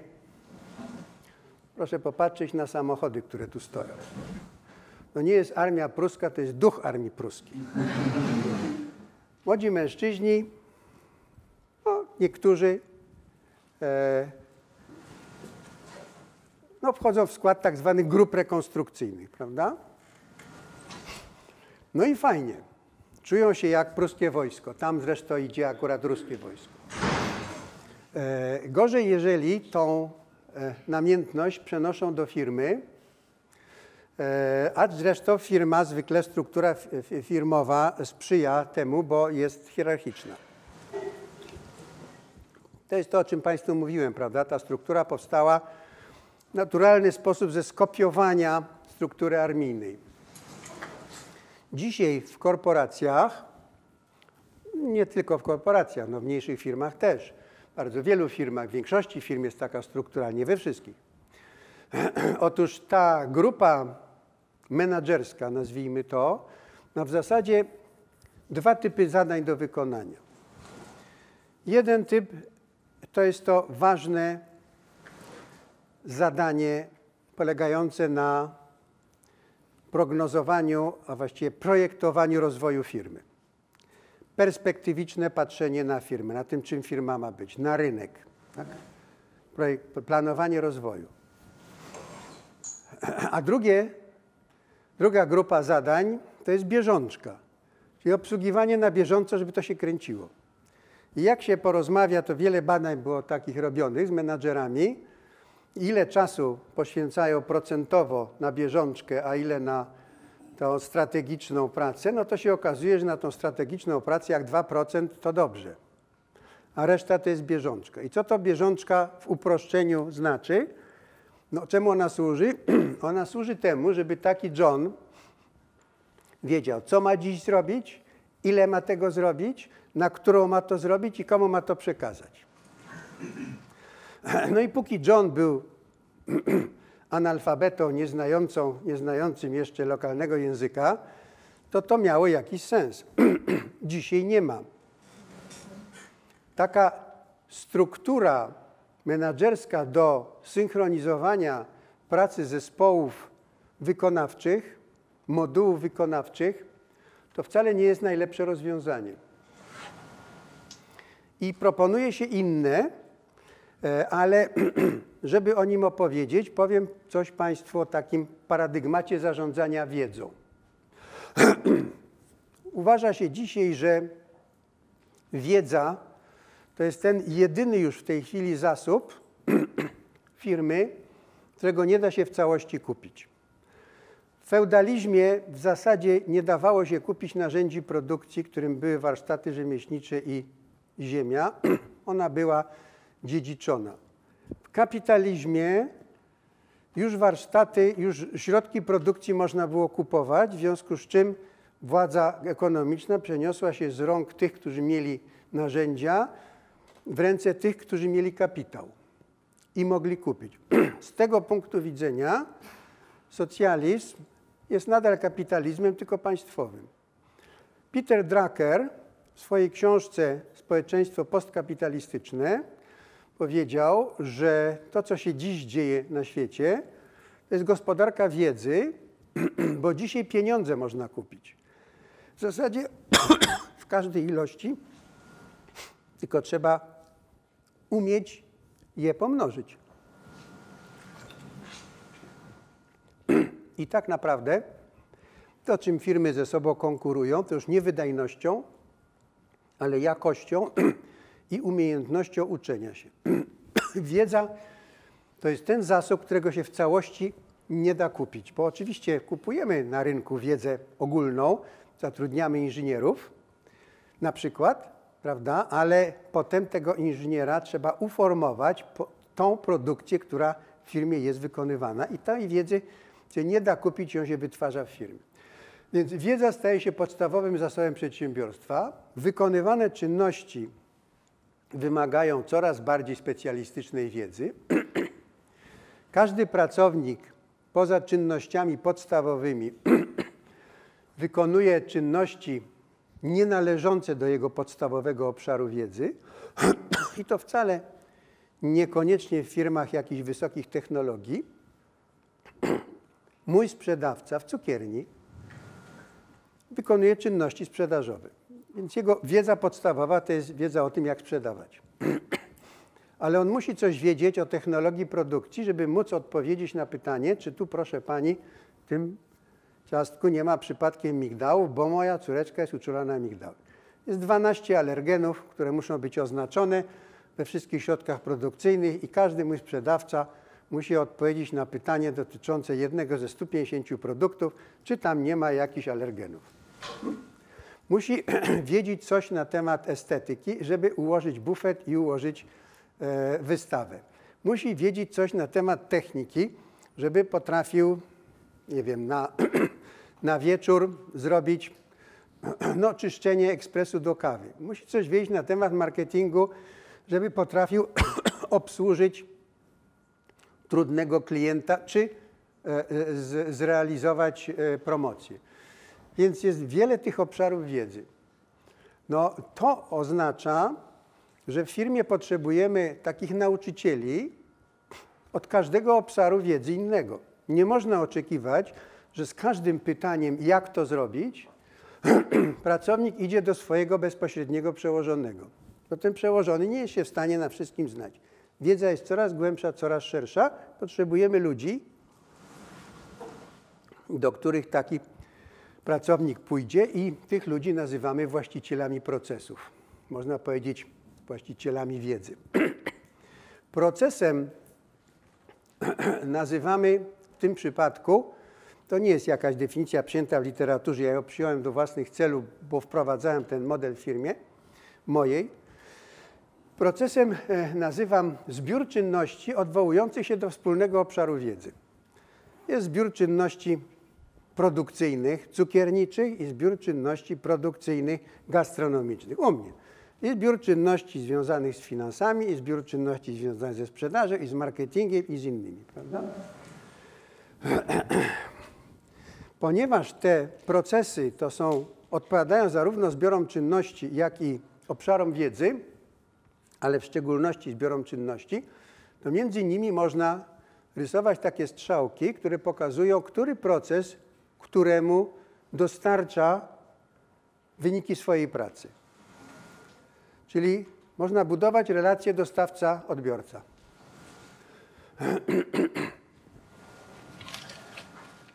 Na to nakłada się paradygmat zarządzania jakością, który mówi tak: jakość określa klient. Klient się może nie znać na naszym produkcie, to trzeba zadbać o to, żeby się poznał, ale to klient podejmuje ostatecznie decyzję, czy kupi. Więc to jego należy pytać, jakiej jakości oczekuje, co jest dla niego jakością. Wiedza o oczekiwaniach klienta musi docierać na wszystkie stanowiska pracy, to w takim języku wyrażone, żeby na tych stanowiskach to było zrozumiałe. Jeżeli klient oczekuje, żeby skrzynia biegów pracowała cicho, to na stanowisku, gdzie się dokonuje obróbki tych trybów, kół zębatych, nie można powiedzieć, że one mają cicho pracować, tylko trzeba podać to w terminach technicznych, prawda? Jakie wymiary, jaki rodzaj stali, jaki kształt. Każde stanowisko pracy ma swojego klienta zewnętrznego lub wewnętrznego. To samo dotyczy procesu. tutaj mamy taki najprostszy przykład procesowej struktury firmy, którą nazywamy mapą procesów. Te ikonki to są wszystko procesy. Tu na początku mamy też proces dostawczy, który to jest akurat firma żywnościowa. Więc tutaj mamy proces, który się nazywa producent rolny. Tutaj na końcu mamy proces, który się nazywa klient konsument. Strzałki proste pokazują, który proces któremu przekazuje swoje produkty do dalszej obróbki. Strzałka czerwona oznacza, że przekazywany produkt dla odbiorcy jest narzędziem, a nie surowcem. Strzałki zielone pod prąd to są kierunki, w które płynie informacja o jakości. Ona trafia od konsumentów do handlu, od handlu do marketingu i do technologii i do produkcji, no i w tył. A więc mamy przepływ produktów, przepływ oczekiwań jakościowych i procesy. Ponieważ te, ten przepływ oczekiwań jakościowych zawsze idzie pod prąd strzałek dostawca-odbiorca, więc tych zielonych strzałek się w ogóle nie rysuje, żeby tej mapy nie zaciemniać. Wiadomo, że każda taka prosta strzałka w rzeczywistości opisuje dziewięć różnych przepływów. Tak wygląda już taki bardziej realistyczny model procesowy firmy. Procesy, tak jak mówiłem, to są zbiory czynności, a skoro to są zbiory czynności, no to każda czynność coś wytwarza, co jest komuś potrzebne, albo oddaje klientowi na zewnątrz. Nie wchodzę w tą w szczegóły, to jest dokładnie opisane w mojej książce, to jest opisane dokładnie, jak ja to robiłem. To jest niewątpliwie najnudniejsza część mojej książki, no ale jeżeli ktoś by chciał to zastosować u siebie, no to wtedy może to przeczytać. To, co jest ważne, co należy zauważyć tutaj, to dwa takie fakty. Pierwszy, że ta struktura nie jest hierarchiczna, że tu nie ma żadnego głównego procesu, prawda? To jest relacja dostawca-odbiorca. Tu nie ma hierarchii. Druga obserwacja jest taka, że w tej strukturze jest miejsce na dostawców, na klientów, na państwo, czyli na procesy zewnętrzne w stosunku do naszej firmy, ale od której nasza firma zależy. W związku z czym one nie powinny umykać naszej perspektywy zarządczej, a w strukturze hierarchicznej ich nie ma gdzie narysować, bo ani dostawcy, ani klienci, ani państwo nam nie podlegają. To jest struktura podległości. To tam ich, nie ma na nich miejsca. No i teraz dochodzimy do y, ostatniej części, którą ja nazwałem filozofia pracy. I do tego, jak dzisiaj wyglądają niektóre firmy tego XXI wieku i na jakiej zasadach, na jakich zasadach, na jakiej zasadzie są budowane. To są firmy partnerskie, to są firmy zbudowane na zaufaniu. No i to są, można powiedzieć, takie niezbędne fundamenty, e, ale to, co rzeczywiście napędza ludzi do działania w takich firmach, to jest głęboki etos. Czyli ci ludzie tam przychodzą pracować, bo mają poczucie, że robią coś fajnego, dobrze się czują razem, bo się wspomagają, bo to jest fajne środowisko. E, Fryderyk Laloux opisał to w sposób dość naukowy, zbadał 12 firm, które w ten sposób pracują, zbudował taką pewną systematykę stylów zarządczych, opatrzył każdy z tych stylów innym kolorem. Tą systematykę Państwu pokażę. Te firmy XXI wieku on nazwał turkusowymi. Dlaczego to też za chwilę wyjaśnię. No i tą książkę swoją zatytułował, pod, pod, pracować inaczej, ale w podtytule jest to przewodnik tworzenia organizacji inspirowanych kolejnym etapem rozwoju ludzkiej świadomości.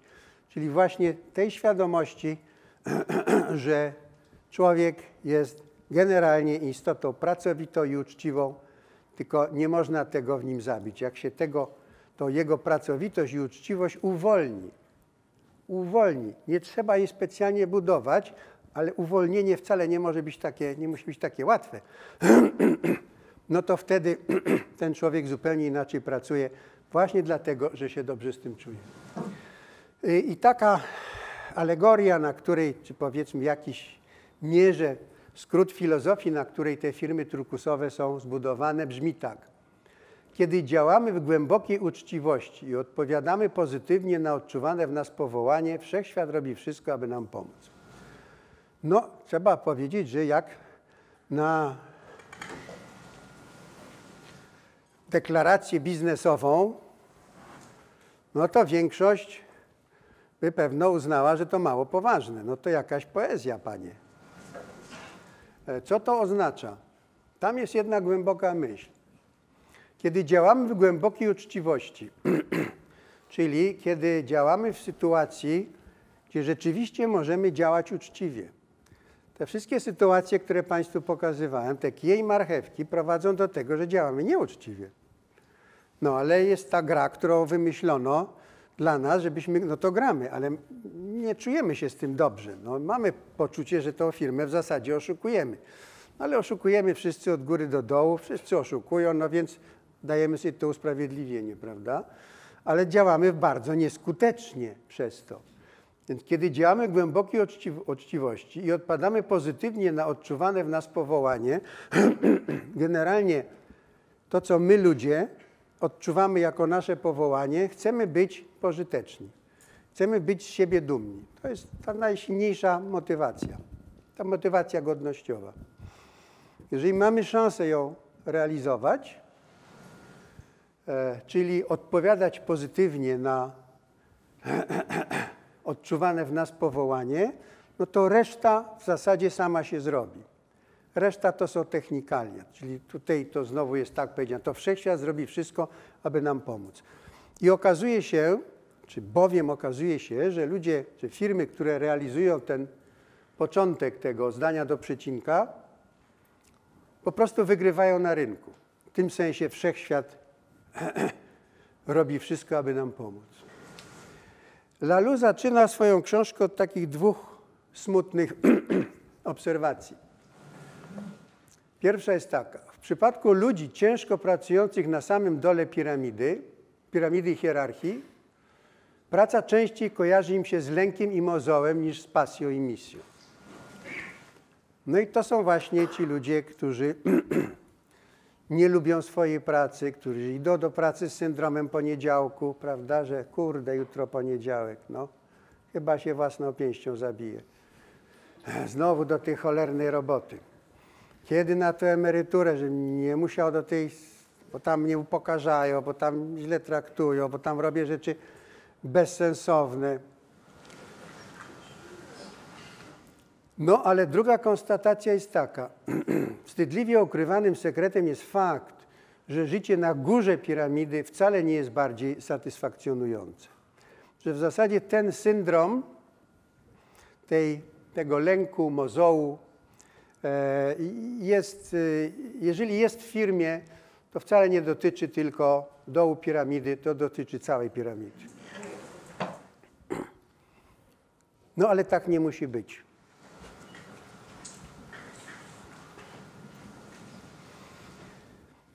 Lalu proponuje, żeby odwrócić pewien tradycyjny sposób myślenia o tym, do czego dążymy. Tradycyjny sposób jest taki: staramy się osiągnąć sukces, no i zarobić pieniądze, e, żeby sobie zorganizować dobre życie. No, kupić dobry dom, dobry samochód, tak dalej, prawda? E, no i czasami jest tak, że ten, to zajęcie się pieniędzmi i sukcesem nie pozwala nam w zasadzie skorzystać z tego dobrego życia. On mówi tak, odwróćmy tą kolejność. Zacznijmy się starać o dobre życie, a sukces i pieniądze przyjdą. Tak. E, I okazuje się, że tak się rzeczywiście dzieje. Tylko oczywiście to nie jest prawo mechaniki klasycznej, to jest prawo mechaniki kwantowej. Najczęściej tak się właśnie dzieje. Opowiem Państwu jeden przykład. Młody człowiek, 30 parę lat, występował ostatnio na moim konwersatorium. A propos, zapraszam Państwa wszystkich. Na mojej witrynie jest zakładka konwersatorium. Wstęp jest wolny. Najbliższe będzie w czerwcu i ostatnie przed wakacjami. Będę mówił o podobnych rzeczach i będzie tam streszczenie. Otóż ten młody człowiek prowadzi dwie firmy w Krakowie i jest metalurgiem. E, Pierwsza firma e, zajmuje się odzyskiwaniem metali kolorowych z ze śmieci elektronicznych, tak mówimy, no, z komputerów, z telewizorów. Ale on tą firmę stworzył właśnie z myślą o takiej turkusowej, chociaż nie czytał tej książki, nie wiedział, że to się tak nazywa, albo ja chciał mieć taką firmę, w której się wszyscy dobrze czujemy. No i zaczął sam, potem zaprosił jednego kolegę, potem drugiego kolegę, teraz ma, nie wiem, tam kilkunastu pracowników. Tam jest jedno stanowisko pracownik, ale każdy robi co innego. Pracownicy, którzy chodzą do klienta, umówili się zresztą, że oni będą mieli na wizytówkach napisane dyrektor.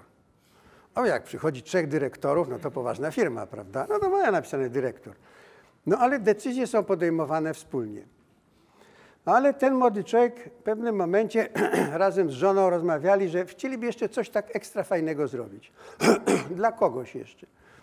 I tak z potrzeby serca wymyślili, że będą wspierać takie najuboższe rodziny i dzieci w tych rodzinach.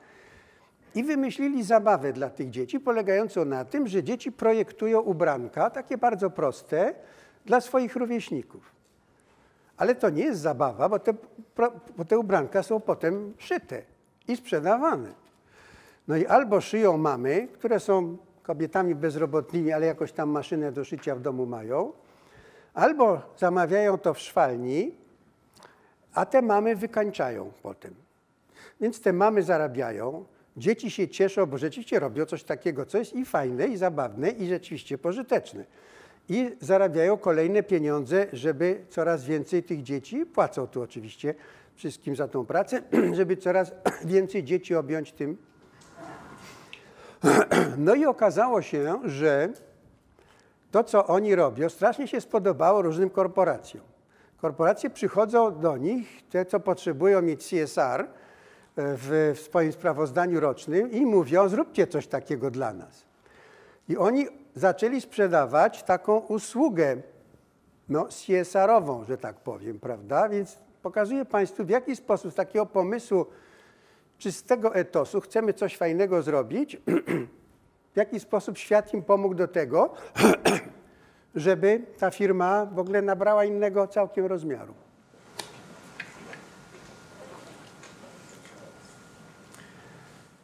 No bo teraz co to znaczy to dobre życie? No to właśnie między innymi znaczy tyle, że w pracy znajdujemy sens tego życia i radość stworzenia, że to, mamy poczucie, że to, co robimy, jest ważne, jest potrzebne, że robimy to dobrze, że robimy to coraz lepiej, że się rozwijamy, że dzięki nam rozwijają się inni ludzie, że komuś pomagamy. to jest bardzo dobre życie. I jeżeli na tym nie przyjdą sukces i pieniądze, to przynajmniej zostanie nam dobre życie. No ale właśnie okazuje się, że statystycznie rzecz biorąc, te pieniądze i sukces przychodzą. No i teraz ta systematyka e, Lalu. On pokazał wielowymiarową systematykę, ja się ograniczę do pięciu kolorów. On z każdym stylem zarządczym związał pewien kolor, to się wtedy dobrze o tym mówi. Pierwszy styl nazwał czerwonym. To jest y, styl gangów ulicznych, mafii. Nie ma żadnej głębokiej hierarchii. Jest jeden wódz i cała reszta. I jedna kara. I jest to kara śmierci. I jest wykonywana publicznie, bo ona służy przede wszystkim temu, żeby się ci, którzy zostaną przy życiu, żeby się bali. No, gangi uliczne, mafie. On napisał Watacha Wilków, no bo to tak dobrze brzmi, ale widziałem kiedyś znakomity film o watachach wilków, w którym się dowiedziałem, że takiej watasze wcale nie przewodzi samiec alfa, który po prostu zwycięża w walce z każdym innym wilkiem, tylko przewodzi wilk, ale najczęściej wilczyca, który osobnik, który najlepiej wybiera drogę pościgu i drogę ucieczki. Więc zarządzanie wiedzą, proszę Państwa. Potem jest bursztyn. Bursztyn to już jest hierarchia. To już nie jest jeden wódz, tylko jest feudalna hierarchia. Armia jest często właśnie takim przykładem, ale również kościół, agencje rządowe. są formalne role. Potem jest pomarańcz. Pomarańcz to jest firma, która działa jak maszyna. Są trybiki. Każdy trybik jest napędzany przez jakieś trybiki, napędza inne trybiki. Wszystko jest w zasadzie przewidywalne.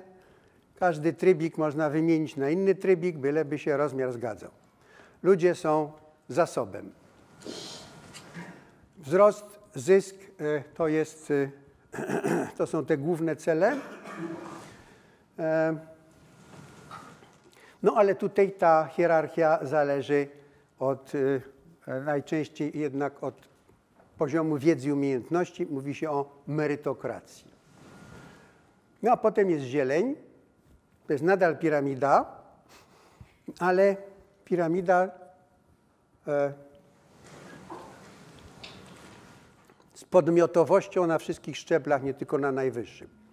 Czyli człowiek jest człowiekiem, nie jest zasobem ludzkim, tylko jest człowiekiem, którego szanujemy, szanujemy jego potrzeby, staramy się je zrozumieć, pomagamy go w tym, żeby się doskonalił, ale hierarchia jest hierarchią. Jak się na razie się zatrzymamy przy tych czterech, jak się przesuwamy od lewej do prawej stronie, to możemy zaobserwować takie zjawisko, które ja nazwałem uwalnianie podmiotowości i kreatywności indywidualnej. Prawda? Im mniej sformalizowana hierarchia, im bardziej podmiotowe traktowanie wszystkich pracowników, no tym większe pole do kreatywności, e, a to oczywiście dla firmy oznacza lepszy rozwój. No ale na prawo od zieleni jest turkus.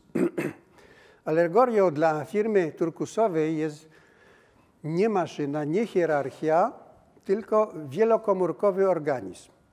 Czyli taki organizm, który się składa z wielu komórek, gdzie nie ma żadnego centralnego sterowania. To nieprawda, że mózg ste- steruje centralnie naszymi funkcjami wszystkich komórek. Mózg ma wiele do zrobienia, ale akurat nie to. Te komórki porozumiewają się między sobą, wymieniają zadaniami, zlecają sobie wzajemnie te zadania i tak to funkcjonuje. I on firmę, która tak funkcjonuje, nazywa firmą turkusową. Przyszło mi do głowy, kiedy sobie oglądałem różne turkusy e, w, w, w internecie, że on to chyba nie bez powodu nazwał ten styl turkusowym, a dlatego, że czerwony, no to, ale czy takim symbolem, e, jeżeli chodzi o kamienie szlachetne, w czerwieni jest rubin.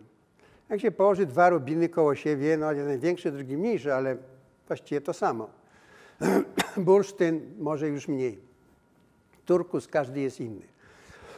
To są wszystko turkusy, ale każdy jest inny i to właśnie jest w firmach turkusowych, że one są to, co ich leży u podstawy, to jest właśnie to zaufanie i partnerstwo. Często tam nie ma w ogóle żadnej struktury zarządczej. Ludzie podejmują decyzje według zasady. Decyzje podejmują ci, którzy są najbardziej do tego kompetentnie przygotowani, a reszta ma do nich zaufanie. Niepotrzebne jest żadne większościowe głosowanie, które najczęściej kończy się tym, że decyzję podejmuje większość, ale na tym przedmiocie tej decyzji zna się mniejszość. Tak jest na przykład we wszystkich parlamentach świata. Jest tyle obszarów, nad którymi parlament się zastanawia, że nikt nie może się znać na wszystkim. Że zawsze jakąkolwiek ustawę by się nie wzięło pod uwagę, to grupa posłów, która się zna na przedmiocie tej ustawy, stanowi mniejszość, ale decyzję podejmuje większość. No i właśnie na tym moim konwersatorium będę mówił o takiej koncepcji, którą sobie nazwałem demokracją partnerską, gdzie ludzie mają do siebie zaufanie, w związku z czym decyzję podejmuje mniejszość, nie ma żadnego głosowania, deleguje się ludzi, wy się na tym znacie, wy podejmijcie decyzję, a reszta ma do nich zaufanie.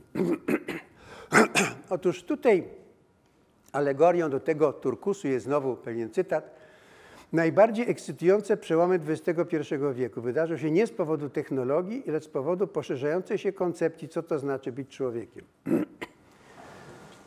Czyli no, to poszerzanie koncepcji właśnie polega na tym, że odchodzimy od przekonania, że człowiek jest z natury leniwy i nieuczciwy i trzeba go nadzorować i budujemy na tym, że z natury jest uczciwy i pracowity i trzeba go wspomagać. I to moim zdaniem również doprowadzi do kolejnego ewolucyjnego skoku wydajności ludzkiej. W XIX wieku dokonał się taki skok dzięki wynalazkom pary i elektryczności. W XX to był atom, informatyka i genetyka. Ja to też napisałem w swojej książce, nie znając tego cytatu, że moim zdaniem w XXI nastąpi uwolnienie tego niezwykłego potencjału ludzi, który ja obserwowałem na przykład zadając im pytanie, co wam najbardziej przeszkadza w pracy. No naprawdę, jak się usunie te bariery, jest kompletnie inna firma. I to może być bardzo ważny element.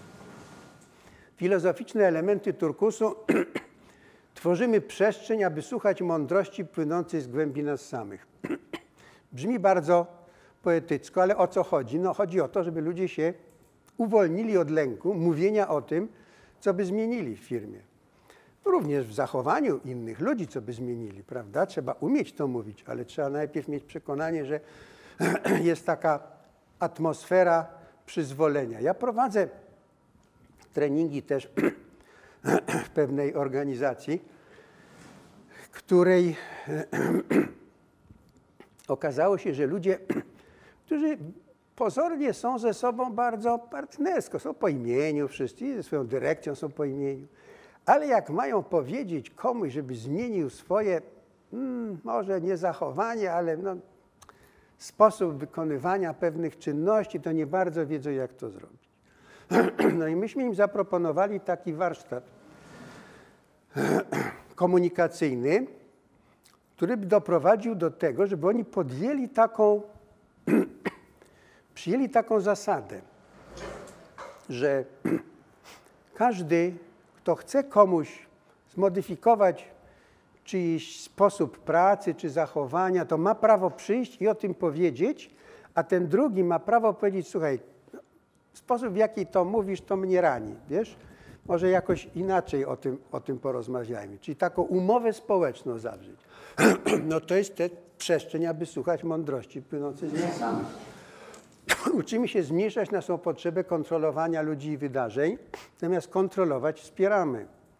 E, mamy zaufanie, że ludzie, którzy powierzyliśmy, czy którzy sobie wybrali pewne zadania, że robią to najlepiej jak potrafią, a my ich wspieramy. Mieniamy osądy na współczucie i wdzięczność. Zamiast osądzać kogoś negatywnie, bo zrobił błąd, przychodzimy i mówimy, no wyrażam Ci współczucie, że tak Ci się zdarzyło i jestem Ci gotów pomóc w usunięciu skutków tego błędu i źródeł jego powstania. E, Nie ma błędów, są doświadczenia, no i służba ludzkości i światu. To jest właśnie to budowanie na tym etosie godnościowym. To jest to najsilniejsze e, i najczęściej e, o nim właśnie zapominamy.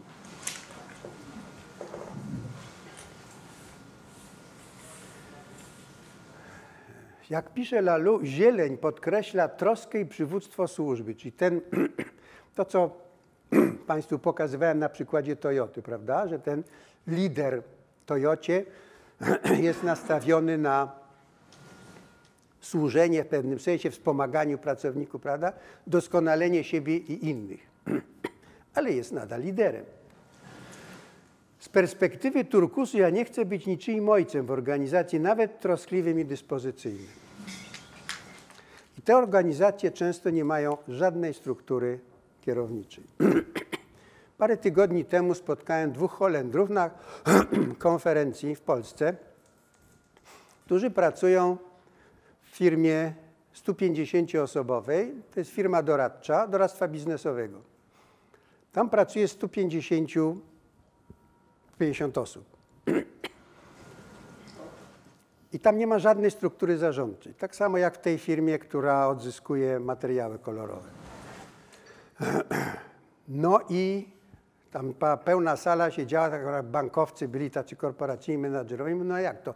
No to kto podejmuje decyzję? No decyzje podejmują ci, którzy się na tym znają. No dobra, a kto decyduje, na, kto się zna? No my wiemy po prostu, kto się zna. No. A, wiecie.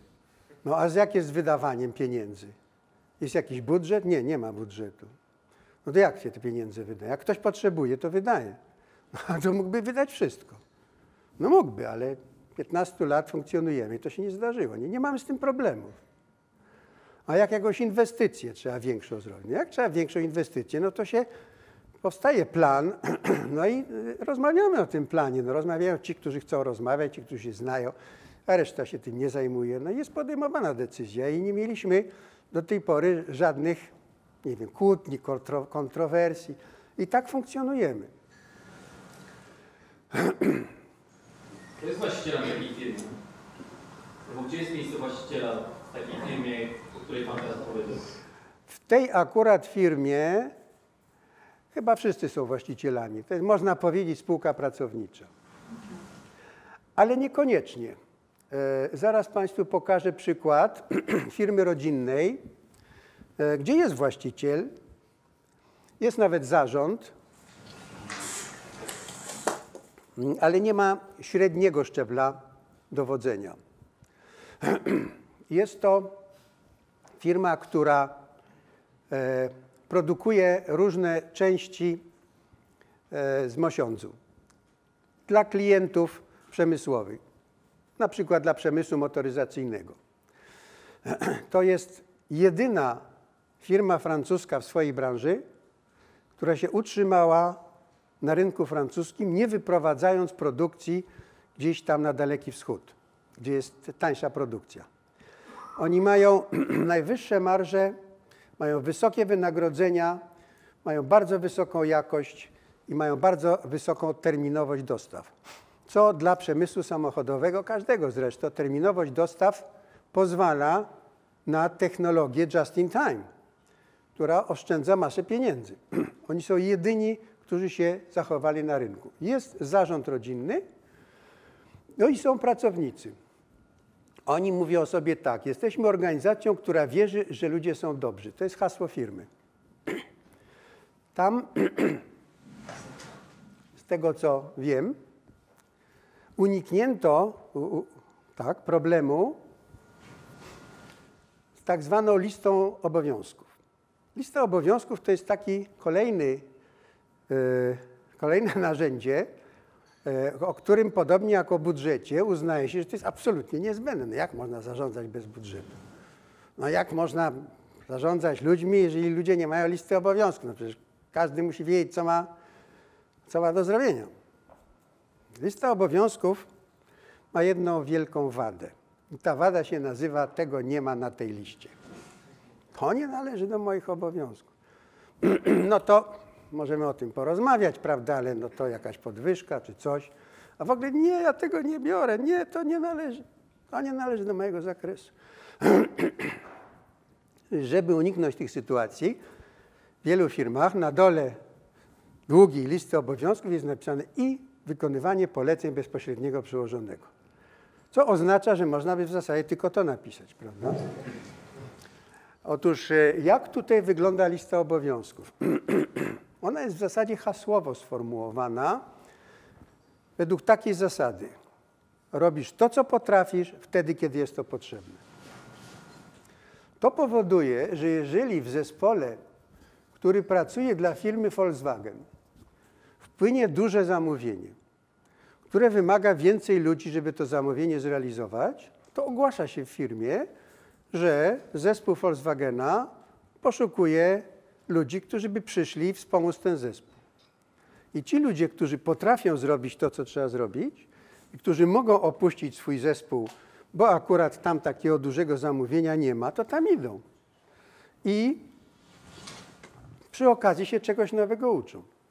Każdy pracownik może przyjść do tej dyrekcji, która jest, ale musi to też ze swoimi współpracownikami uzgodnić. Powiedziałem, chciał robić co innego.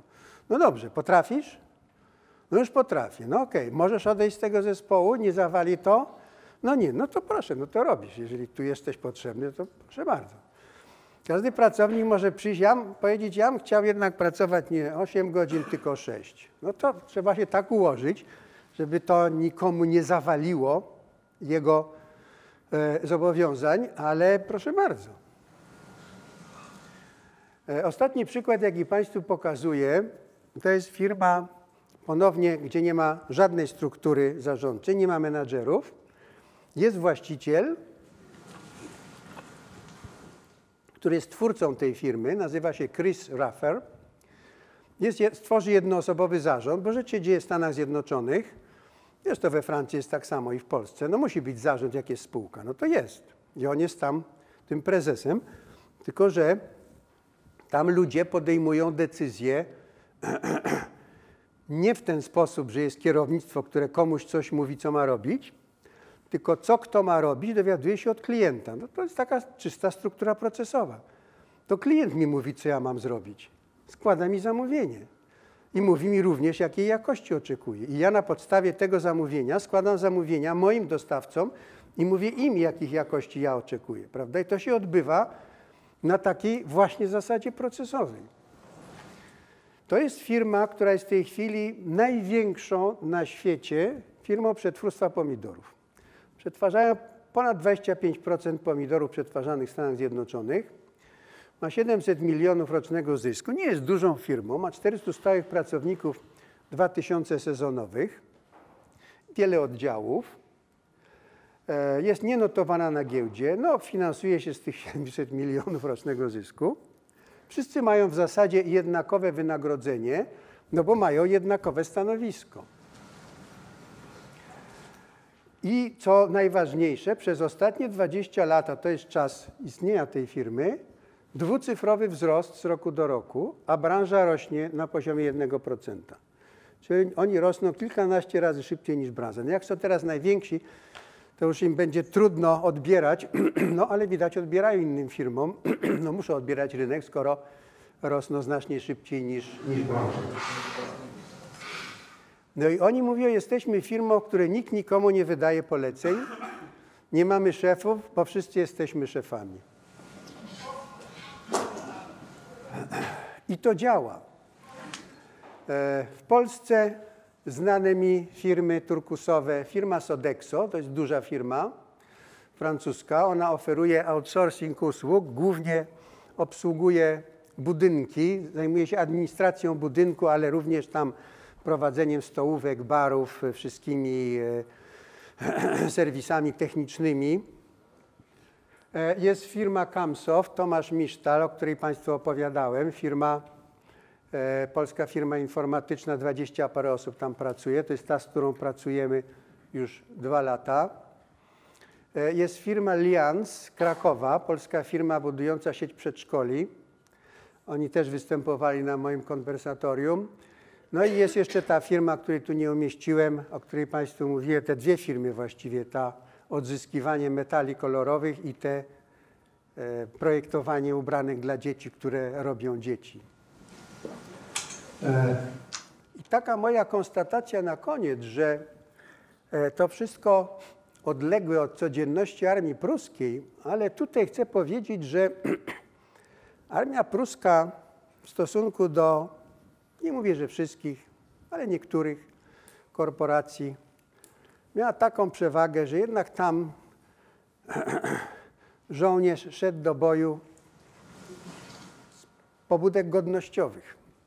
Honor munduru, honor sztandaru, patriotyzm, wierność cesarzowi. A w korporacjach niektórych jest tak, że liczy się tylko kasa. I stąd błędny wniosek, że ludzi tylko kasa interesuje, ale to nieprawda. Ludzi interesuje to, co mogą w firmie dostać. Jak mogą tylko kasę, to tylko kasę. Więc zapraszam Państwa na moje konwersatoria.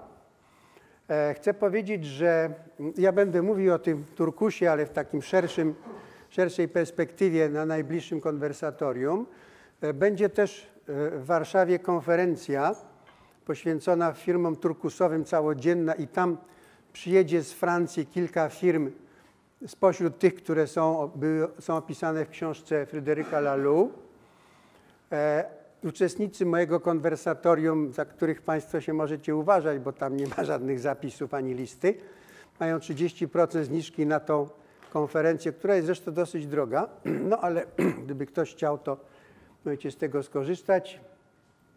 I tym dziękuję za uwagę. Jeżeli Państwo mają jakieś pytania.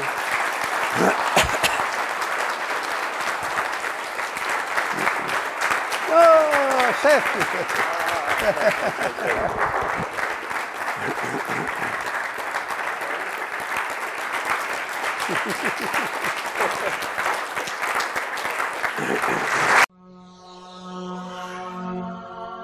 Asbiro. Alternatywna szkoła biznesu i rozwoju osobowego.